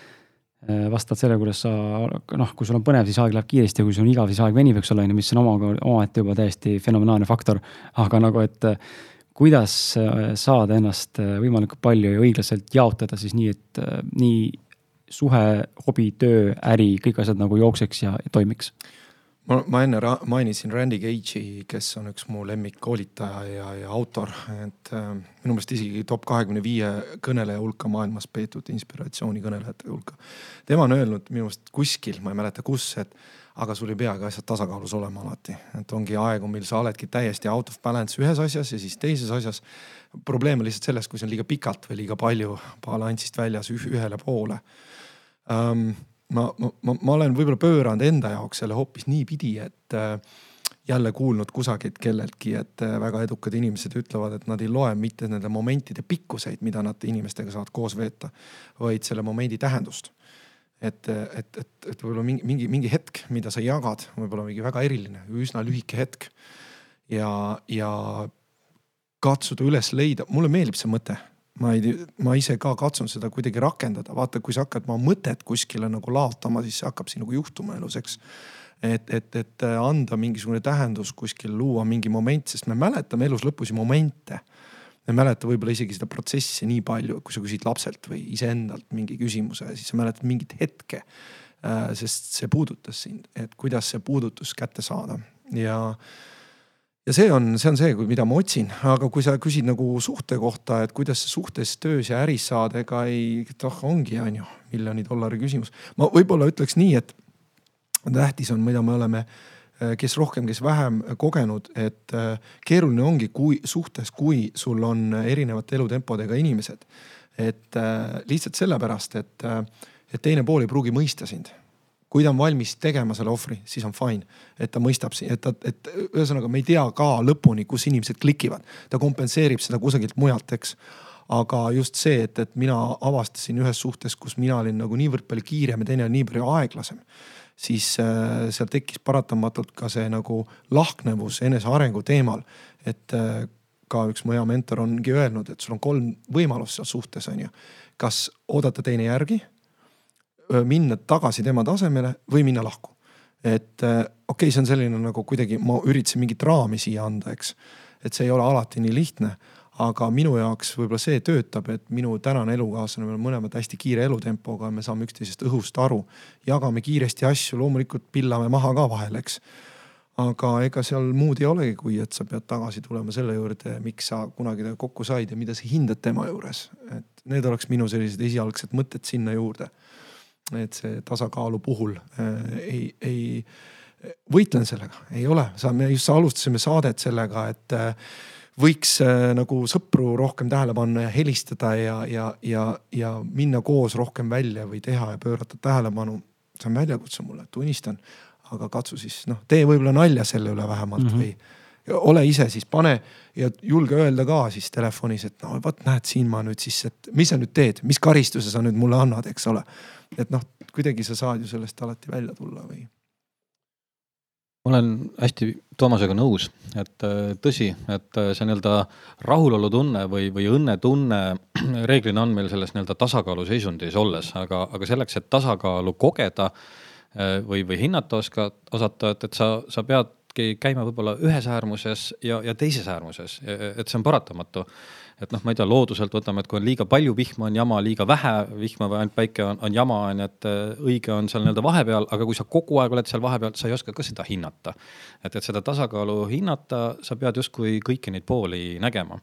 aga, aga suhtes jah, see võib-olla see aeg ei, ei ole see mille järgi hinnata seda, seda tasakaalu või suhte toimivust, et nii nagu sa, Toomas, ka mainisid, on ju, et äh, see on kindlasti ka mõne sõbraga, et keda sa näed võib-olla korra aastas või, või suhtled korra aastas, aga sa nimetad teda ikkagi võib-olla oma parimaks sõbraks. ja, ja siis on su mingisugused kolleegid või, või töökaaslased, kellega sa veedad äh, hommikust õhtuni aega koos. aga, aga selles ei ole endiselt seda, seda sügavust, kuigi aega sa veedad nendega mm -hmm. palju. et äh, ka sellistes paarisuhetes võib täpselt samamoodi olla, et sa võid inimesega olla kümme aastat koos, et äh, olla näiteks kodukontoris aga, aga tegelikult see, teid ei eksisteeri äh, üksteise jaoks, aga on ka toimivaid kaugsuhteid, et aega koos justkui ei olegi, aga, aga see, mis seal on, on, on see sügavus. Et, et, et samamoodi on ka lastega, et, et laste jaoks võib-olla ei ole oluline, et, et sa oled kakskümmend neli seitse nende kõrval äh,, endal nutitelefon käes või, või, või raamat ees vaid äh, leia see kümme minutit, pool tundi või, või tund aega ja siis olegi tema jaoks ja, ja temaga täiega. olemas, täiega mm -hmm. temaga olemas, et ta teab, et, et vot nüüd ta on minu jaoks, et, et see on võib-olla äh, need kohad, aga, aga jah, ega sellistes küsimustes äh, sellist valmis retsepti, mis kõigile ühtemoodi toimib, ma arvan, et ei ole Äh,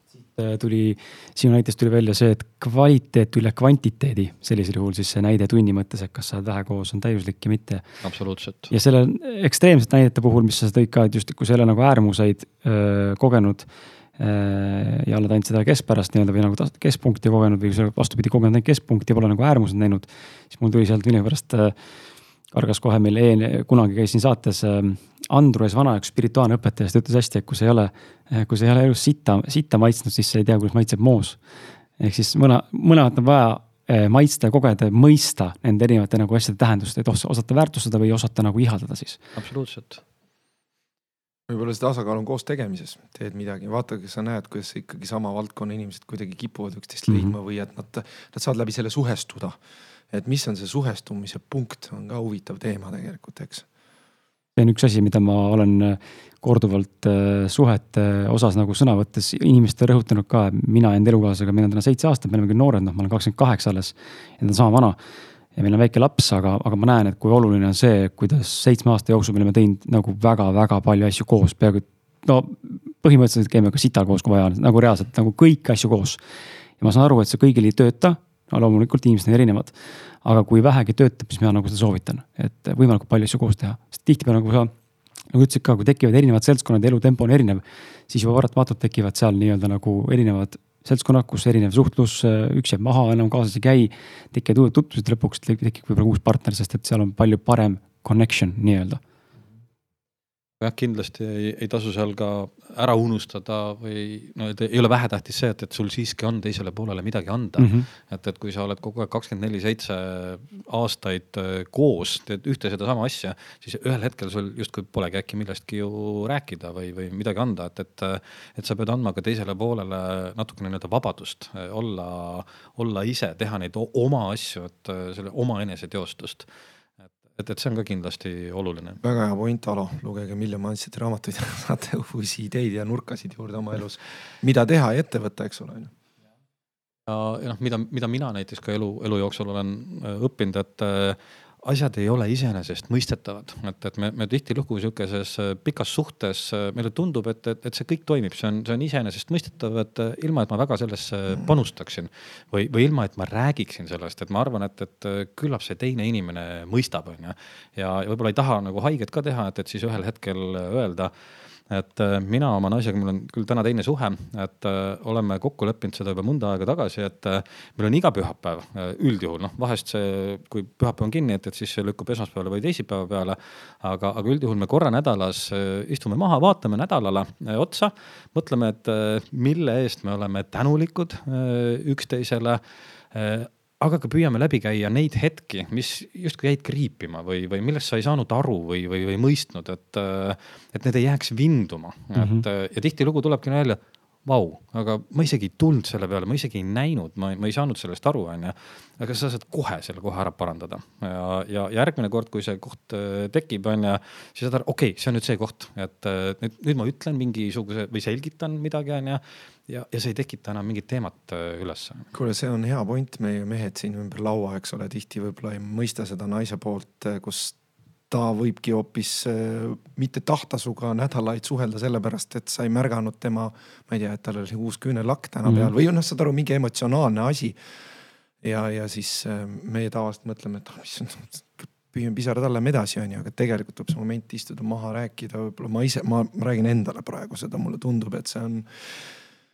see on hea, hea point, Alo, mis sa siin räägid praegu, et äh, et me jah, me mõtleme erinevalt. aus tuleb ka kokku leppida, et, et sa, sa oledki aus ja, ja et sa ei võta seda kriitikana, et, et sa oled mõlemalt poolt kokku leppinud, et see on, see on selle jaoks, et,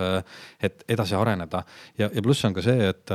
et sa mitte mingil juhul ei tohi hakata ennast õigustama. et see on mm -hmm. üks suurimaid vigu, mida, mida mehed teevad, et sa hakkad ju põhjendama, sest mul on ju alati õigus, ma tegin seda sellepärast või aga ja siis on kõik läbi, et tegelikult püüdke niimoodi, et isegi kui tahaks öelda, ei ütle, et äh, kuulad äh, lõpuni, võtad, oled tänulik selle tagasiside eest ja lihtsalt järgmine kord äh, käitud teistmoodi või, või, või siis selgitad seda sellel hetkel. et, et meil on see kuidagi väga hästi toiminud ausad mehed, ausad naised, ausad inimesed. see on see, miks mulle endale nii-öelda rusikas rinnal tahaks karjuda egoistlikult öelda, miks ma seda saadet sellises vormis teen, on see, et just nimelt, mis tõite näite ka, see aus omavaheline kommunikatsioon läbiv, äh, filtrita, äh, julgus avatult ja haavatavalt rääkida ka elukaaslastega, sõpradega, üldse tuttavatega. ja seista enda arvamuse eest on, on see, mis viib lõpuks tegelikult väga suurte nagu oluliste muutuste ja tulemusteni. tihtipeale lihtsalt inimesed kardavad, kardavadki olla autentsed ja see on nagu valus ühel hetkel, kui sa seda kardad, ühel hetkel see jõuab mingisuguse finaalini, mis sulle ei pruugi meeldida et, et sa oled jätnud selle tegemata, tegelikult sa oled lükanud seda edasi ja mm, -hmm. ja siis palju väikseid asju koguneb ühe, ühte kohta lihtsalt, et sa ei, sa ei söö seda korraga ära. ja, ja siis tekivadki probleemid, et äh, selle probleemide vältimiseks sa, sa nii-öelda lahendad nad kohe ära, et, et sa, sa selgitad ära, sest et meil on kõikidel erinevad arusaamad äh, asjadest, meil on kõigil erinevad taustad, kasvatused, võib-olla mingisugused äh, traumad, kogemused ja, ja me ei suuda alati mõista või me ei tule selle pealegi ja, ja sellised nii-öelda ausad vestlused äh,, ausad rääkimised äh, aitavad seda mõistmist tuua mm. -hmm. Äh, härrad äh,, ma otsustan, otsustan, et äh, tõmbame kokku. ma annan teile võimaluse, mis on teie lõpusõnad, mis te tahate öelda, mis jäi veel täna kõlamata või mingi hea point või, või tahate hoopis reklaamida, midagi teha, siis äh, andke tuld jah, me, me täna väga palju ei rääkinud meie raamatutest, äh, mis on tõesti, on puhas kuld, et me, me oleme püüdnud äh, tuua eesti keelde raamatuid, äh, mis on täna juba aidanud sadu tuhandeid või, või miljoneid inimesi, mis töötavadki retseptina. Ja ja, ja mina ise siiamaani loen kõik meie raamatud läbi, et, tõsi, et on väga palju siukseid korduvaid mustreid, aga, aga need korduvad mustrid just ongi need, mida, mida sa võiksid või peaksid enda ellu võtma. aga on ka väga palju kogu aeg, igast raamatust tuleb midagi uut, mis, mis, mis sind nii-öelda aitabki mingisugusel hetkel, nii nagu Toomas ennist mainis, nagu Brian Tracy ütleb, et, et see üks seminar võib teha sinust miljonäri mm -hmm. ja, ja võib-olla see üks raamat või see, see, see üks mõte aitab sul ära hoida mingisugust järgmist breakdown'i või, või, või suhtes midagi, sest meil on ka näiteks äh, teadlik mees, et, et meil on äh, nii-öelda miljonäri mõtteviisi saladused ja, ja nii edasi ja nii edasi, et me, me oleme püüdnud äh, nüüd mitte ainult edule keskenduda, et äh, üks tulevane raamat, mis meil tuleb, on näiteks Buddha's Brain. et, et see on nendele inimestele, kes ei, ei, ei taju ära või nende jaoks on kaks erinevat maailma, on siis see nii-öelda füüsiline edumaailm ja siis on see vaimne maailm mm. -hmm. ja, ja nüüd üks meie järgmistest raamatutest seob need kokku, et, et justkui selgitab ära, et mis siis aju tasandil toimib, kuidas siis mõte töötab, mõte, mõte loeb et, et, et ma, ma soovitan, ma tean, meil on fänne, kes on tegelikult kõik raamatud läbi lugenud ja, ja ootab, et andke mulle teada, nii kui teil järgmine raamat äh, tuleb. et äh, ja tasub jälgida meie kodulehekülge või Facebooki, et aeg-ajalt me teeme ka kampaaniaid, et äh, mitte küll väga tihti, aga, aga aeg-ajalt me seda teeme, et, et tasub neid võimalusi ära. ja kasutada. Facebook ja koduleht on miljon.ee äh, on, on meie kodulehekülg, inglise keeles miljon.ee äh, on, on meie kodulehekülg. ma arvan, et Alo, sa võtsid väga hästi kokku. aitäh, Kris, et sa kutsusid meid siia saatesse. aitäh, et te leidsite aega tulla ja mõtteid vahetada, jagada ja, ja ma arvan, et hea kuulaja sai siit täna ikka kuhjaga sügavat, sügavat mõtlemist ja palju väärtuslikku informatsiooni, mida enda elus äh, rakendada ja, ja ka ellu viia selle mõttes, et ähm, mul ei ole, pole, pole kahtlustki. aitäh sulle. ja aitäh ka sulle, armas kuulaja, et vastu pidasid äh,